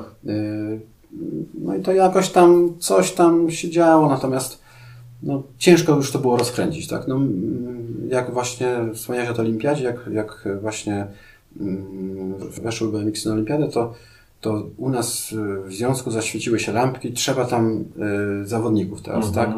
No nie było zawodników. No to ten Forkos taki był najbliższy BMX Racingowi, y, no to wzi- wziąłem to właśnie jako wtedy y, tak, mnie i Maćka y, wysłali nas na mistrzostwa, no to na imprezę, na mistrzostwa świata od razu, tak. Y, Rowerów nie mieliśmy, y, to miesiąc wcześniej ja kupiłem, kupiliśmy sobie rowery z Maćkiem, no i nawet nie było gdzie pojeździć na jakimś torze, tak, to ja jeździłem po prostu po asfalcie gdzieś tam, żeby do tego roweru się przyzwyczaić, ten rower zupełnie jest inny. Pojechaliśmy na te mistrzostwa świata, to było w Paryżu, w hali Bercy. Kurczę, po prostu nie wiem, były, nas było dwóch zawodników z Polski y, i były takie, pamiętam, sloty, że treningowe, tak? Mhm. Holandia, Holandia, pamiętam, że my trenowaliśmy z Holendrami, jakimiś tam jeszcze innymi nacjami. Po prostu wchodzimy tam na ten, do tej hali, tam jest, nie wiem, z 200 Holendrów w koszulkach, kurde, tych. Ora, nie, nie. I my tam we dwójkę z Maćkiem po prostu. No, nie no, był dramat. Dzieci się z nas śmiały po prostu na tych zawodach. E, No i jakby, no i tak to wygląda mniej więcej jakby, no, u nas e, jakby ten, ten sport tak, tak wyglądał, że no, wsparcie, wsparcie z, od związku jest żadne, no i, no i też efekty są żadne. tak? Mhm, mhm. Tutaj chcąc nie chcąc to gdzieś tam o, o, o, mm, dotykamy tematu infrastruktury, bo rozmawialiśmy o Mhm. bikeparkach, o single trackach, teraz mówimy o bike- BMX racingu, to też wymagają torów. E, Od kilku lat w Polsce jest taki boom na budowanie pump tracków. E, Mhm. Sam też e, trochę na tym jeździsz, nawet gdzieś tam Mhm. są w, w internecie mm, jakiś taki materiał promocyjny z Twoim udziałem. Mm, To jest chyba też taki fajny punkt do wyjścia dla, dla dzieciaków, żeby je zachęcać do rowerów i, i budować taką właśnie zajawkę. Jak najbardziej. To jest, wydaje mi się, że Polska to w ogóle jest kraj, gdzie jest najwięcej pump tracków na świecie, nie? Tak, jeżeli chodzi o e, pump track na mieszkańca, bo, e, bo sam na samym Mazowszu to jest kilkanaście pump tracków. No, mm, jest e, właśnie, no, pump tracki głównie buduje mm, mój taki klubowy kolega Maciek Kucbora. Mhm. E, on- Czyli Veloprojekt, tak? tak, Veloprojekt. Oni budują bardzo dużo. Jeszcze też buduje y, też taki forklasowiec y, Jacek Kowal. On z BT Projekt z kolei. Oni to są dwie firmy, które budują najwięcej pętraków w Polsce. Tak? To, no ale oczywiście przybywa tych wykonawców, tak? bo to, Mhm. bo ten tort, że tak powiem, jest dosyć duży i, i to, co mówisz, no to, że mm, to, to może być jakiś tam za, zaczątek, y, aczkolwiek jest to takie typowa rekreacja i s, s, jeżeli tam sportowo wydaje mi się, że to mm, tutaj żadnego, żadnego efektu mieć, mieć nie, Mhm. nie będzie. Nie? Teraz mi się właśnie skojarzyło, jak zaczęliśmy rozmawiać o pump trackach, że jest nawet taka seria mm, Wyścigów? wyścigów, tam nie pompujesz. Tak, nie e, pompujesz, nie jedziesz albo... No są Coś też takiego, tak, więc polskie Nawet Mistrzostwa. Polski przecież są w Tak, Pamplonach. tak, tak, tak, tak, tak, więc coś tam się wokół dzieje, a znowu oddolnie raczej. Coś tam się dzieje, to raczej są inicjatywy gdzieś tam takie, może tych firm, które budują, bo to chyba tam te, te nie pompujesz, nie jedziesz, to, to na pamtrakach BT projektu są robione. Mhm. Y, Może to jest z tym związane jakoś, już tam nie wiem za bardzo. Natomiast to, że te pamtraki są, no jest to super sprawa, bo dla dzieci to jest fajna zabawa.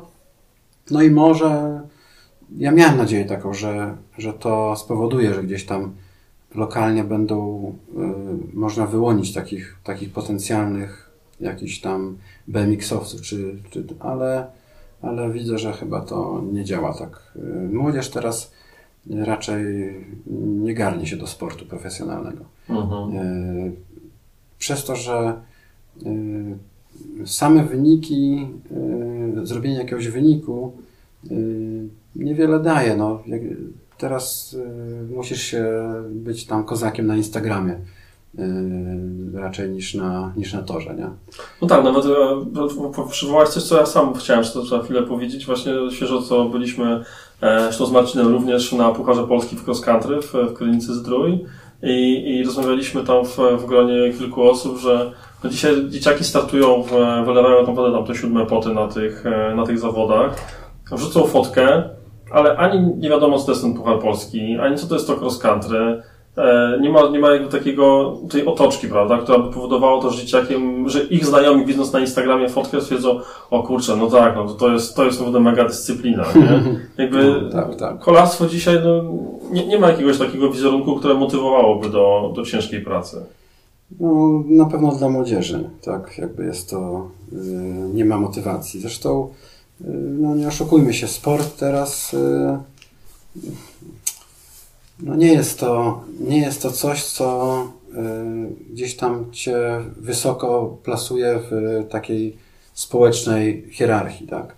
Y, bardziej już jakiś, jak jesteś jakimś gamerem, czy nie wiem, jakimś youtuberem po prostu, oni chcą tym być, Tak. a nie zawodnikiem stopu.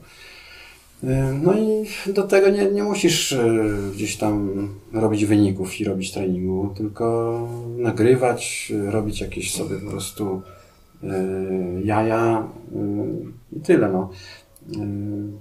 Więc Być jakby- sławnym po prostu, po prostu z tego powodu, że jest się sławnym, tak? no, Trochę. dokładnie. No, ja, no, mimo że siedzę w tym sporcie, to nie, nie bardzo tak nadążam za tymi youtuberami, ale dzieciaki na obozach y,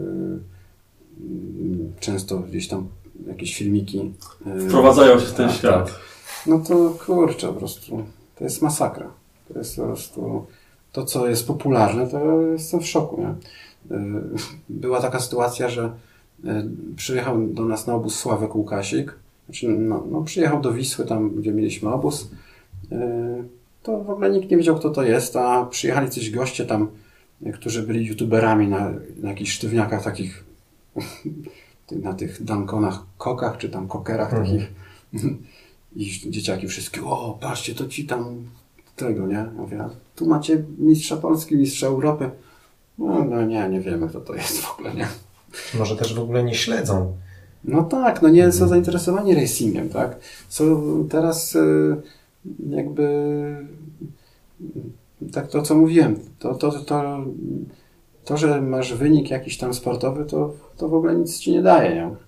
Jeżeli tego na tych y, socialach tam y, jakoś nie... Dobrze nie sprzedasz, nie tak? sprzedasz, tak. A, a wiadomo, no sportowiec nie ma też czasu, żeby, żeby zajmować się takimi pierdołami, za przeproszeniem, tak? Mhm. E, No okej, no teraz to muszą już robić, e, Tak. no bo, bo inaczej nie będzie kontraktu sportowego, dzięki którym mogą robić wynik, ale, ale no wiem, znam sporo ludzi e, i wiem, że to się robi. Sam zresztą robię to z musu, e, bo prowadzę firmę, e, która robi te obozy i coś muszę tam, jakiś content produkować, ale, ale wolę jeździć na rowerze, tak? Wolę sobie trenować niż, niż się tam zastanawiać, że, że jakiś filmik robić albo coś No tam. kiedyś coś tylko tam. na tym człowiek był skupiony, No prawda? na tak, tej no. jeździe, a teraz właśnie są te dodatkowe elementy. Tutaj zdjęcie na Instagram, tu film No. na YouTube'a, tu na Facebooka. No wiadomo, nie jest to też takie trudne, bo masz telefon zawsze w kieszeni, coś tam możesz pyknąć zdjęcie i, i wrzucić. Natomiast no, Jest to kolejna rzecz, o której trzeba myśleć, Tak, jako tak. pewnej jakby obowiązku, jakby całej czynności, nie? no chętnie, chętnie bym widział koniec tych wszystkich social mediów.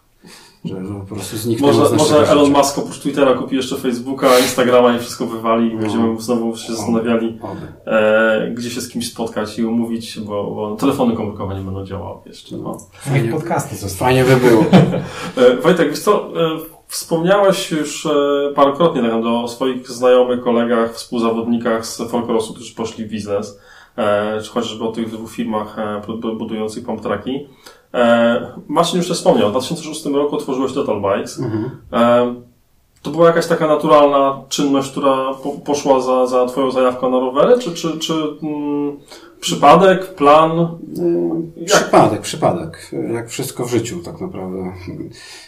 Ja byłem zaproszony, y, Wierch, Wierchomla był taki, znaczy nadal jest taki kurort i tam oni wzięli dotację na budowę bike parku, mhm. która obejmowała budowę trasy downhillowej i budowę trasy forecrossowej, bo to wtedy forecross był na topie i, i skontaktowali się ze mną, czy bym im tej trasy forecrossowej nie zbudował. Ja tam pojechałem z tą trasę tę trasę robić.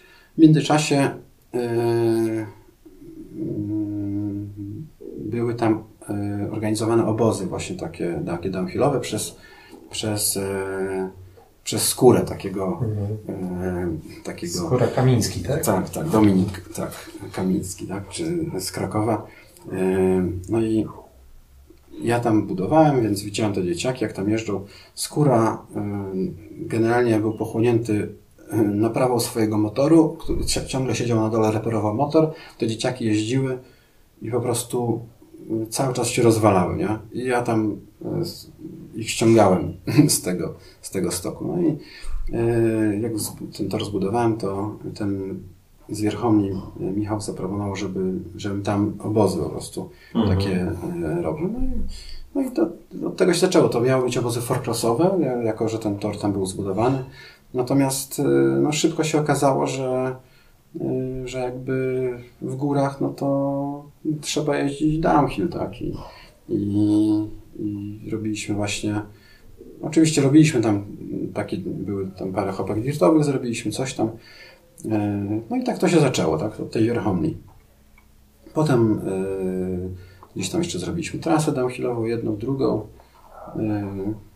No i tak to się zaczęło tak jak mówiłem wcześniej, tak, na początku były to, te moje obozy były troszeczkę tak pod jakieś zawody, mhm. jakieś eventy, e, a potem, a potem to mm, już były wyjazdy gdzieś takie po prostu za granicę też. E, e, już nie wiem, w 2008 roku, czy już dwa lata pojechaliśmy do Whistler, mhm.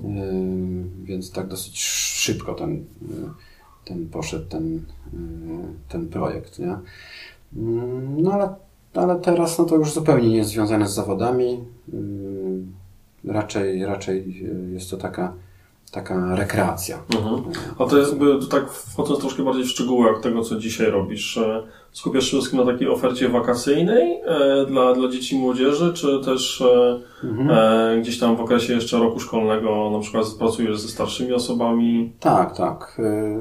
Znaczy, wakacje to oczywiście jest tylko młodzież, bo dorośli wakacje nie mają czasu, bo muszą z dzieciakami jeździć na, na wakacje po mhm, prostu. Mm -hmm, tak, tak, tak. E, poza tym, więc ja w wakacje siedzę, siedzę w Wiśle na Stożku. Jest to miejsce, w którym chyba od 10 lat robię obozy, takie wakacyjne i tam jest bardzo fajna infrastruktura. E, miejsce jest po prostu fenomenalne, bo to jest na końcu świata. Mm -hmm Warunki może nie są jakieś tam takie super hotelowe, ale no nie o to też chodzi. No i też dowolność taka w działaniu tam jest dosyć duża, więc ja mogę tam robić co chcę. Kopać, kopać przerabiać. Mhm. Dzieciaki też mogą kopać jak, jak chcą, to chcą coś poprawić, chcą coś zbudować, jakiś element. Ja mówię jak najbardziej. Sobie bierzemy wtedy narzędzia i idziemy robić. No i też jakby to, że my robimy tam jako instruktorzy e, dużo, no wiadomo, sami lubimy jeździć, chcemy jeździć po jakichś fajnych rzeczach, więc, więc też, żeby jeździć, no to trzeba robić, no i oni też widzą, że to jest jakaś taka edukacja, nie tylko, że jeździmy, ale też, że jednak tam wkładamy w to jakąś pracę, tak, i czy, czyli jakby w e, pierwszego dnia w ramach rozgrzewki każdy dostaje łopatę, grabie i... i... No, może nie aż tak. Oczywiście żartuję. Ale, ale, ale gdzieś tam popołudniami po mhm. jeździe, jak często no, narzekają gdzieś tam, że coś jest, coś jest nie tak, no to mówią, no to dobra, idziemy to naprawić i już. No oczywiście sam też dużo robię, sam też jakby tam e, przed sezonem przygotowuję tą miejscówkę, e, ale, no ale też dzieciaki też e, czasami jak wejdą w taki wir pracy, no to, no to fajnie też popatrzeć, nie? Po prostu trzeba ich jakby zachęcić do tego, Mhm. tak? Pokazać im, że mogą to zrobić.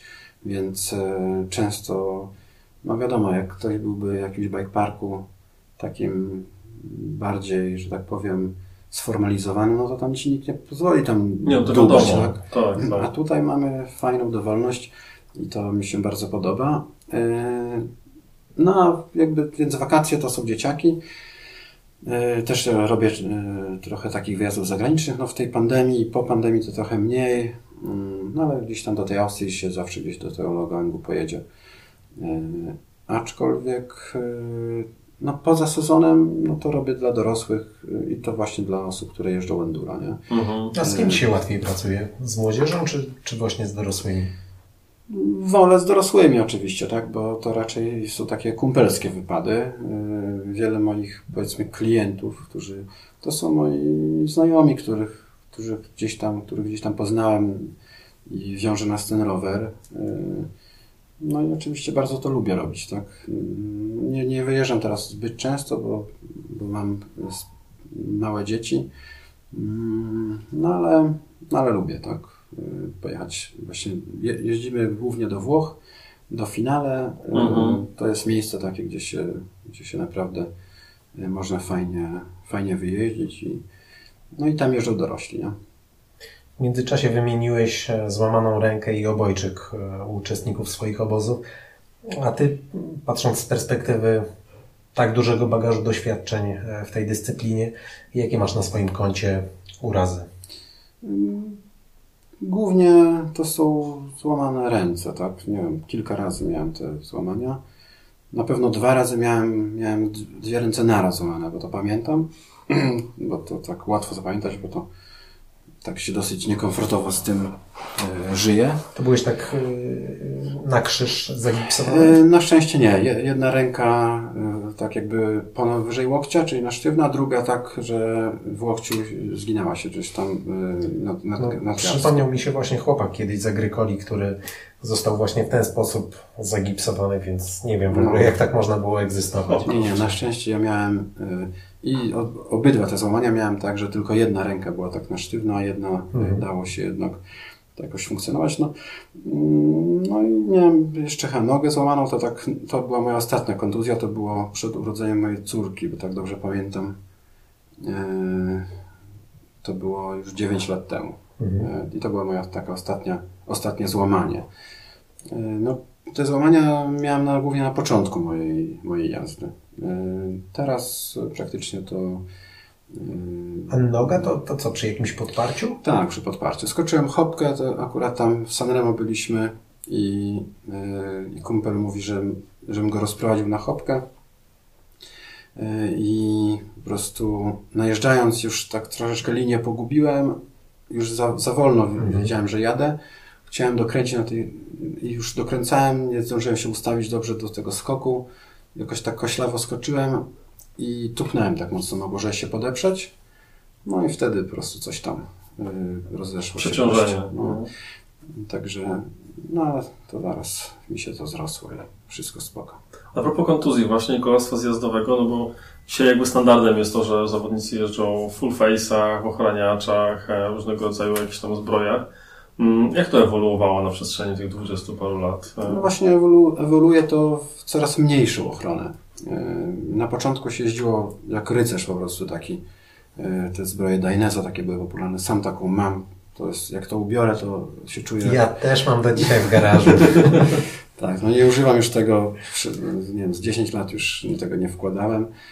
E, No ewoluuje to w stronę bardziej takiej lekkiej jazdy, tak? E, Mhm. Nakłada się jakiegoś tam żółwika. Ja, ja osobiście nie, nie używam. Ja używam tylko ochraniacz na kolana i, i kasku. Nie zawsze jest to full face, czasem jeżdżę w orzeszku. Mhm. E, aczkolwiek e, no pewnie gdybym wiedział, że będę miał jakiś upadek, no to bym wszystko ubrał, co tam mam.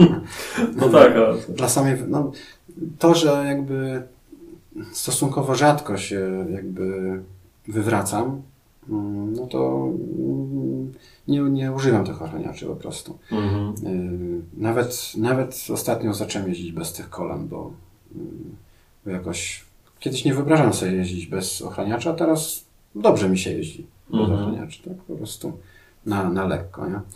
Ale y, no jeżeli dzieciaki zaczynają jeździć, no to, to jednak sugeruję im, żeby wkładali te ochraniacze, bo, bo się dużo przewracają y, i może nie jest to, ten ochraniacz nie ochroni przed jakimś złamaniem, poważną kontuzją, ale jakieś obcierki takie, czy, czy coś na pograniczu, tak jakiegoś tam, jakieś tam Poważniejsze kontuzje, tak, tak? to może coś tam ochronić. Głównie ochrania przed otarciami jakimiś, Mhm. tak? Mhm. Y, No a wiadomo, że jak się uczysz, no to masz sporo tych wywrotek na niedużej prędkości, ale takich właśnie pokracznych i, i, wtedy, i wtedy się to przydaje. Y, No ale zawodnicy mm, nie używają praktycznie tych ochraniaczy. Nie? No full face y, się nosi chyba mm, jakby fajnie to wygląda też, nie? Tak, y, jakby taki motocrossowy styl, ale, ale wydaje mi się, że, że się stosunkowo rzadko przydają.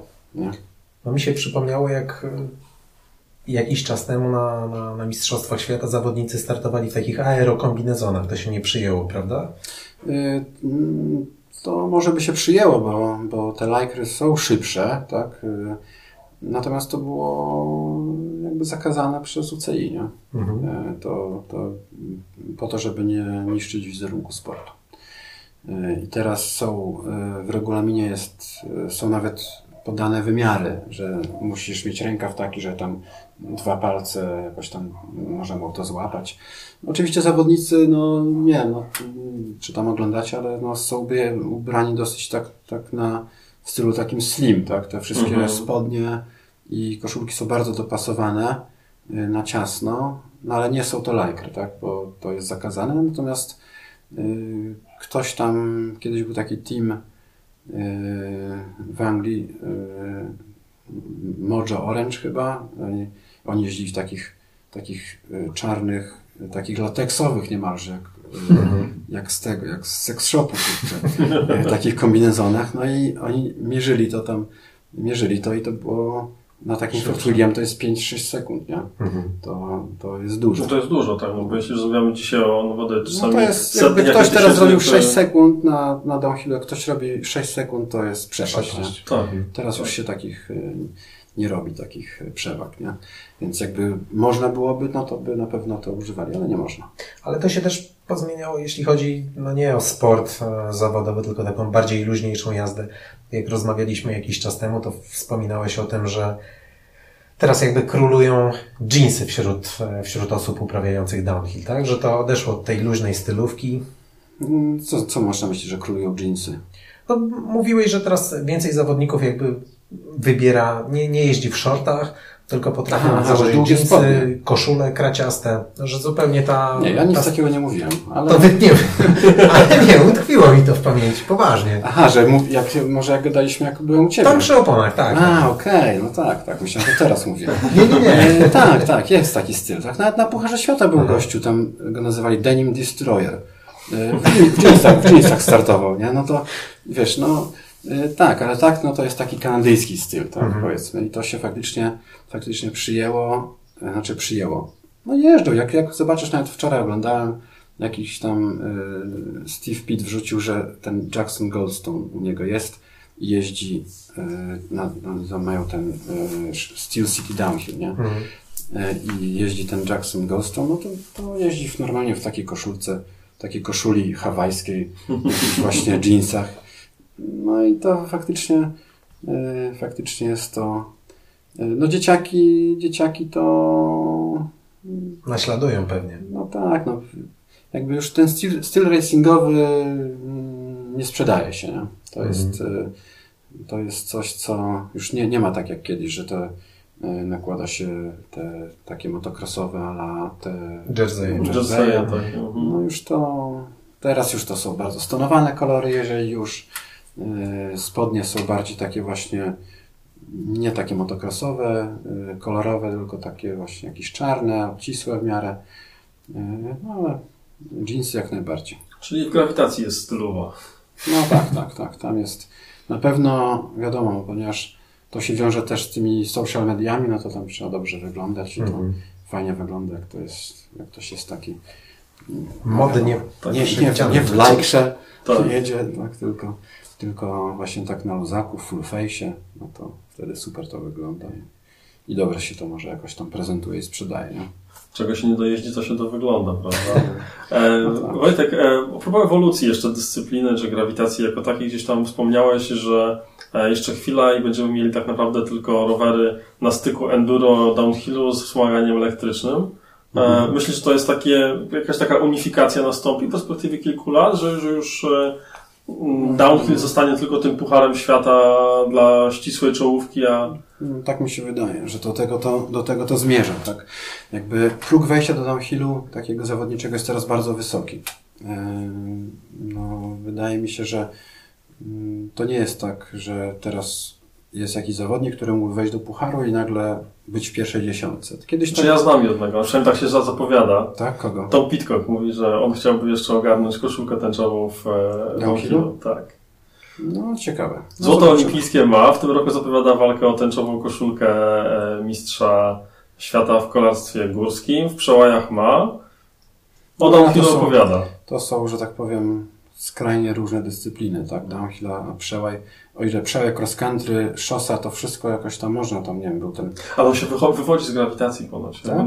W Wielkiej Brytanii ponoć ta grawitacja jest bardzo silna. No, ciekawe, nie? Więc, ciekawe. e, Nie no, tam jest jakby, y, tak, tam jest bardzo to rozwinięte, dużo jest takich bike parków, trail centrów całych.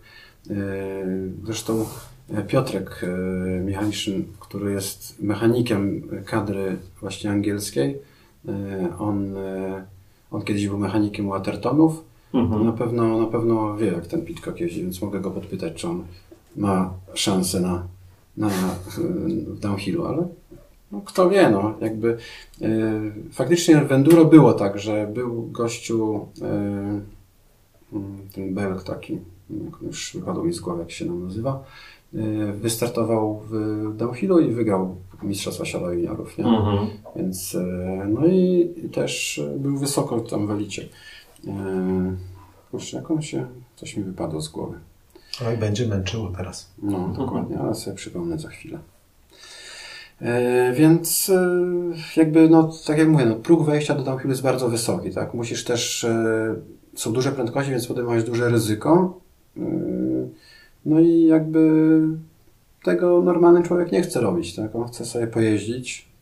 Może w jego wyobrażeniu będzie to taki właśnie, że on jedzie tak jak ten, jak ten e, mistrz downhillu, ale będzie jechał tam swoim tempem, ale Mhm. fan będzie miał taki sam, tak? Jasne. A na elektryku no, uważam, że yy, może to już jest nie do zatrzymania. To już będzie. Mhm. Yy, znam sam osoby, które rezygnują już z normalnego roweru na, na rzecz roweru elektrycznego, bo mają ten normalny rower i ten rower już nie jest jeżdżony. Ale warunkiem jest to, że trzeba mieszkać w górach, tak? No tak, no bo na, na płaskim rower nie ma zastosowania. No, tak, nie ma- nie ma. W Warszawie- 25 i odcięcie. W Warszawie nie ma sensu jeżdżenia na takim rowerze. Ale tu się nie zgodzę do końca. No bo tak jak na przykład moja Edyta, która ma teraz e, rower enduro skoku 140 mm fulla. Ona jedzie ze mną do Campinosu, ja robię swój trening, a ona jest obok mnie, tak? No, ale wiadomo, że jest to konkretny Okej, jakby no. przykład. Tak? No to no faktycznie takie zastosowanie też Mhm. y, znam, że na przykład y, faceci kupują rower dziewczynie, y, żeby razem móc jeździć, tak? No to Tak, też tak. jest, też jest okej. Natomiast no, no okej, w Campinosie no to też mówisz o jeździe, bo są jakieś górki, tak? No, rower elektryczny na płaskim, no... No tak, no ta waga. Wiesz, no to kiedyś, kiedyś była taka e, historia. E, ja miałem rower elektryczny, kumpel taki, który z rowerami tam, no jeździ na rowerach, ale tak niewiele ma wspólnego. E, wsiadł na to, mówi, o, ale to, ale to jedzie, nie? Ja Mówię, no to dawaj robimy wyścig taki na 100 metrów, tak? Mhm. E, tam czy na ileś tam. Mhm. Ja na normalnym, ty na tym, nie? E, To ja oczywiście e, wiedziałem, że ten rower ma odcinkę po 25, tak?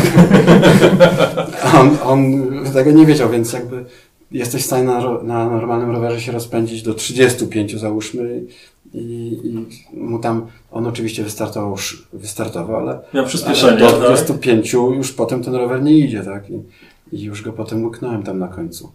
E, Także no to, to mniej więcej tak wygląda. I jakby jak jeździsz na jakimś tam w, poziomie powiedzmy takim, że te 25 przekraczasz, no to, to rower elektryczny dla Ciebie no, jest na płaskim, no, zresztą Ty chcesz osiągnąć jakiś jakby cel treningowy, tak? Tak. Żeby, a nie tam się po prostu powozić po płaskim. Ale w górach to nie ma opcji, nie?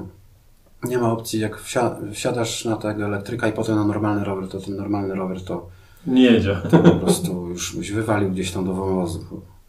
E, Więc, e, więc e, uważam, że, że to jest przyszłość na 100%, nie? Tak to wygląda. A jeśli chodzi o właśnie dzieciaki, które u Ciebie spędzają czas na obozach, ich namawiasz na zwykłe rowery, na elektryczne? Jest jakoś tak 50-50? Jak- to wygląda w No, nie, no ja młodzieży? nikogo na nic nie namawiam, to każdy sobie tam wybiera. No, zdarzają się dzieciaki na elektrykach u mnie. Był, był w zeszłym roku chłopak na elektryku, jeździł na Kenevo. E, Mhm. Natomiast no, w bike parku nie ma to za bardzo sensu, tak? No bo nawet ciężko ten rower na krzesełko wrzucić. Mhm. Jest ciężki. E, Jakby fajnie się na tym zjeżdża, bo to jest bardzo stabilne i, i zawieszenie bardzo dobrze pracuje. No to, e, to jest naprawdę rower, który, na którym początkujący na pewno by sobie lepiej jakby radził z, grawita- z grawitacją, bo, bo tak tym rowerem nie rzuca. Ale, no ale próg wejścia jest wysoki cenowo, tak? No Często tak. rodziców nie stać, no, żeby kupić im taki normalny rower.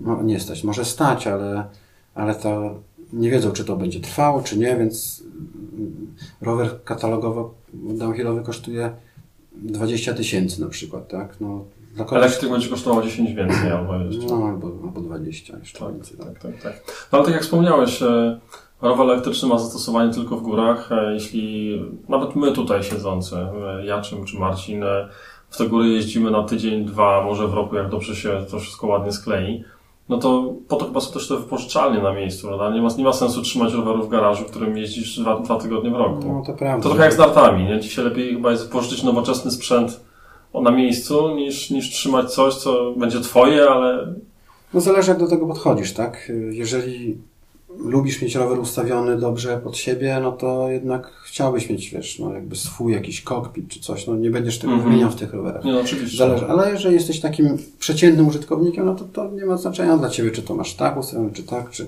jak te klamki, to sobie bierzesz taki rower i gdzieś tam nim jeździsz.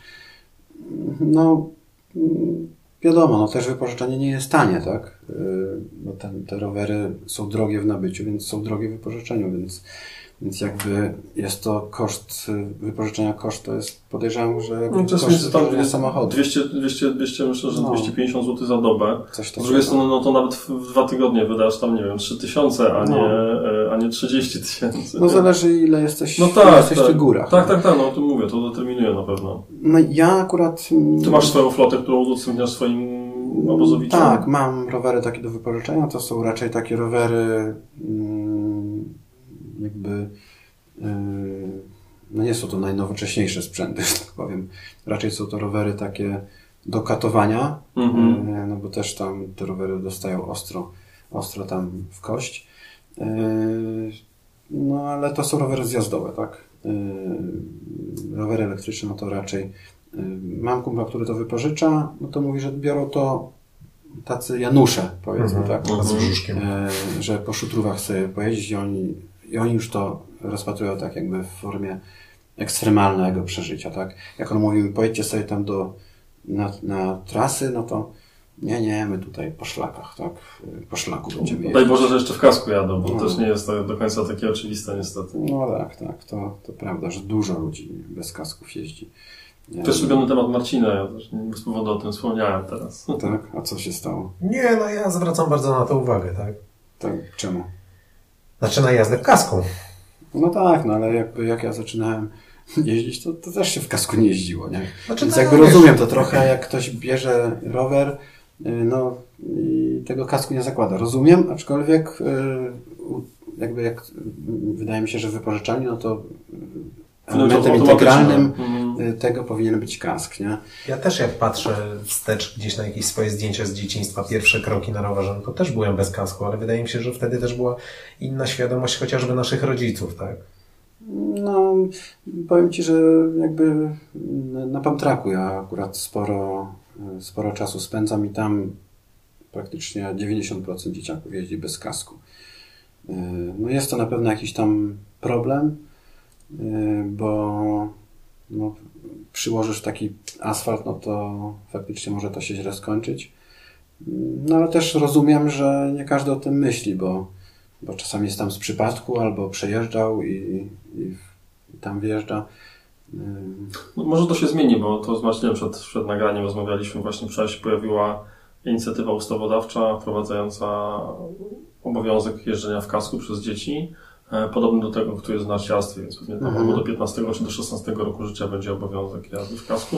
Co wydaje się być rozsądną rzeczą, bo, bo coraz więcej tych dzieciaków jeździ, tej infrastruktury jest też więcej, nawet takich e, ścieżek rowerowych, gdzie czasami No po prostu tak, jest jasne. ciasno, nie? Więc, e, Poza tym, no kurczę, to nie jest jakiś mega wysiłek założyć ten kask, tak?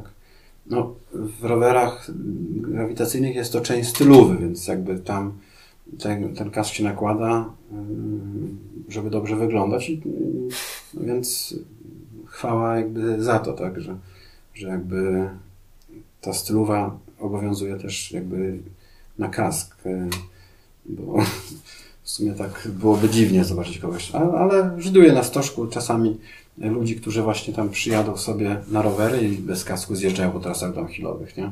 Tacy turyści. I to, to jest widok stosunkowo częsty. Zaczęliśmy Wojtek od e, swoich, można powiedzieć, korzeni kolarskich e, z cross country. E, to może skończmy tym e, tematem. Jesteś gotowy położyć tutaj jakąś deklarację roku, daty roweru przełajowy cross country, kiedy Cię zobaczymy znowu w lajkrze? Nie wiem, no jakby mm, bardzo mi dużo satysfakcji sprawia zjeżdżanie, tak? I po prostu kiedyś wyobrażałem sobie, że tego nie da się robić yy, jakby długo, że jest to Mhm. niebezpieczny sport, tak? Że jest to sport, który wymaga tylko takiej młodości, szaleństwa, ale widzę, że to tak nie jest. To, to jest tak, że że tak mi się wydawało, bo kiedyś nie jeździli, nie jeździli jakby ludzie, którzy byli nawet po 30. To nie było takich osób, tak? Tylko jeździły dzieciaki, ale te dzieciaki podorastały, tak moi kumple y, podorastali. Nadal jeździmy i nadal mamy z tego fan, więc wydaje mi się, że nie wiem, czy ja do tego cross country bym chciał wrócić. No, oczywiście, no chętnie. Lubię też wyprawy, jeździłem na wyprawy rowerowe z Sekwami, może do tego bym chciał wrócić. Gdzieś tam sobie na taką wyprawę. Teraz jest bikepacking. Teraz jest bikepacking, pamiętaj. No, no, Sakiewka na kierownicy, sakiewka pod siodełkiem, w ramię. No, to, to jest jakby, ja bardzo lubię rower, tak, ogólnie i to jest dla mnie po prostu taki sposób na Wojtek jest otwarty przemieszczanie po się. prostu na propozycje. Więc e, jak tam chcecie wziąć do jakiegoś teamu, to nie ma problemu. tak, E, a propos jeszcze tak e, kończąc, e, e, Tony Hawk, e, skateboarder, e, Mhm. już ma jest grubo po 50, jeśli nawet nie pod 60, dopiero co właśnie nagrał wideo, e, pokazując po prostu niesamowitą jego sprawność, wykonując, wykonujące wszystkie swoje triki, które zrobił przez, e, w, karierze sportowej, jako jeden, jedno nagranie jest po prostu na rampie zjazd, zjazd, trik, trik, trik, trik, trik, jakby polecam e, obejrzeć. E, Także no cóż, no jakby No, zachowujmy formę, zachowujmy dyspozycję, Powiem ćwiczmy. że y, ja uważam, że ja jeżdżę coraz lepiej z roku na rok, tak? Y, Mhm. Więc jakby po co to, po, czemu miałbym się zatrzymywać? No może, okej, musiałbym sobie porównać jakieś czasy może, ale, ale albo jest to bardzo takie subiektywne odczucie. Mhm. Jeżeli to odczucie jakby jest, y, pozwala Ci na to, że czujesz się dobrze i że widzisz, że jakby masz możliwości, żeby nadal jakby jeździć Mhm. na fajnym poziomie, mieć z tego frajdę, no to no nie widzę na razie, na razie możliwości rezygnacji, przejścia na jakieś tam wycieczki szosowe, czy tam, yy, ale no nie wiem, no to wszystko może się zmienić, tak? To jakby ja nie mówię, nie mówię, I mówię, nie no. Czy co, rower to wolność, przygoda, no z, na raz pewno pod górę, raz w dół, raz, raz z sekwami, tak? trzeba, nie trzeba paliwa lać, tak? Możesz sobie jeździć. Dzisiaj szczególnie. łańcuch. Więc e, no, wydaje mi się, że to jest super sprawa. E, Przemiesz- możesz się przemieszczać, możesz e, w miarę się szybko przemieszczać, a też dużo zobaczyć, tak? Bo jak Tak. samochodem jedziesz, to tak niewiele zobaczysz, a jak rowerem jedziesz, no to tutaj zobaczysz coś ciekawego. Zatrzymanie się nie jest takie trudne, bo Nie trzeba szukać miejsca do parkowania. Tu na cykniesz fotkę na Instagram, to na Facebooka. Więc jakby no jest to super sprawa, tak. No, a, ale no, moje serce jest, że tak powiem, downhillu, tak. To jest, y, to jest coś, co, y, co daje mi najwięcej satysfakcji i, i póki to się, że tak powiem, nie wypali, to, to na razie będę tam chyba. No, jakby pasję, pasję przekułeś w pomysł na życie e, z kilkunastu lat, prawda? Total Bikes to jest twoje główne, prawda, jakby Tak, tak. źródło tak, utrzymania, można tak, powiedzieć, teraz tak. więc e, No, chyba to tylko jakby życzyć ci tego, żebyśmy, żebyś, żeby to się dalej kręciło, prawda? Dzięki, dzięki. Jeszcze myślę, że pociągnę trochę, nie? E, Ten temat. Jak, jak, jaki dzisiaj jest najstarszy zawodnik downhillu? Kojarzysz, e, to są ludzie, są ludzie 60-70 plus na downhillu? Znaczy zawodnik... y, Może nie zawodnik, ale jakby ludzie aktywnie jeżdżący może. Znaczy tak, w downhillu w zeszłym roku wygrał e, Mistrzostwa Świata Greg Minar, który jest po 40, tak? Tak, no to to było spektakularne. E, I gościu jest w topowej formie. E, jeżeli chodzi o zawodników takich, jak powiedziesz, na Mistrzostwa Świata Mastersów, to tam są goście, którzy mają tam 60 kilka lat. Ja kiedyś pamiętam taką historię, która mi otworzyła oczy, to było właśnie w Whistler, jak byłem tam na początku 2008 roku. E, Jechałem na wyciągu z gościem, z dziadkiem, tak? I ten dziadek za- zagaduje, bo to tam to zagadują cię cały czas, nie? Mówi, a, i on mówi, ja miałem teraz y, 4 lata przerwy, bo tutaj y, leciałem dropa, y, tam jest taki, y, nazywa się to GLC drop, to jest na końcu line'a, taki drop, który wychodzi już tam na, tą, na ten bulwar taki, ale przelatuje bardzo blisko takiej knajpy, która się nazywa GLC właśnie, czy tam Glacier, coś tam. Mhm. I on coś mówi, że, źle wymierzył i po prostu wpadł do tej knajpy. Nie? Jak wpadł do tej knajpy, Proszę jedno, jedno piwo. połamał się, zrobił tam szkody, bo wpadł tam na ludzi, miał jakiś tam posew, musiał zapłacić kupę kasy, coś tam. Mówi, o, że teraz po czterech latach. I mówię, no ale ile ty masz lat? Mówi, tam chyba 70 coś, nie? I ja mówię, kurczę, wiesz, mówię, to jest Niesamowite. możliwe w ogóle, nie? Ja wtedy miałem tam 30 kilka lat, wydawało mi się, że już to jest takie, o, jeszcze do Whistler pojadę, tak? A potem już Tak na koniec dół, kariery. A tu się okazuje, że właśnie Tak, te tak. ro, rowery, rowery jakby dobrze konserwuje. Nie no, myślę, Trzymajmy że, się myślę, tego. że to w ogóle, nie ma co w ogóle o tym myśleć, że tam jakiś tam się trzymać, że tam, a tu już masz tyle lat, Mhm. to już tam odpuść sobie. To jest, No, ale dobrze wyglądasz, no dobrze się czujesz. tak, tak, no. no super się czuję, super Myślę, się jeździ. twoich więc- rówieśników, no, piwko, brzuszek, kanapa, pilot. No, Dzień e, dobry TVN. No tak, no. Wiadomo, że jakby trzeba o siebie dbać, tak? I jeżeli będziesz o siebie dbał, no to będziesz mógł ten sport uprawiać długo. Jeżeli nie będziesz dbał o siebie, no to, to może i faktycznie trzeba będzie tą karierę zakończyć, tak? Robisz coś jeszcze poza rowerem? W jakim sensie? Sportowo? Sportowo, tak.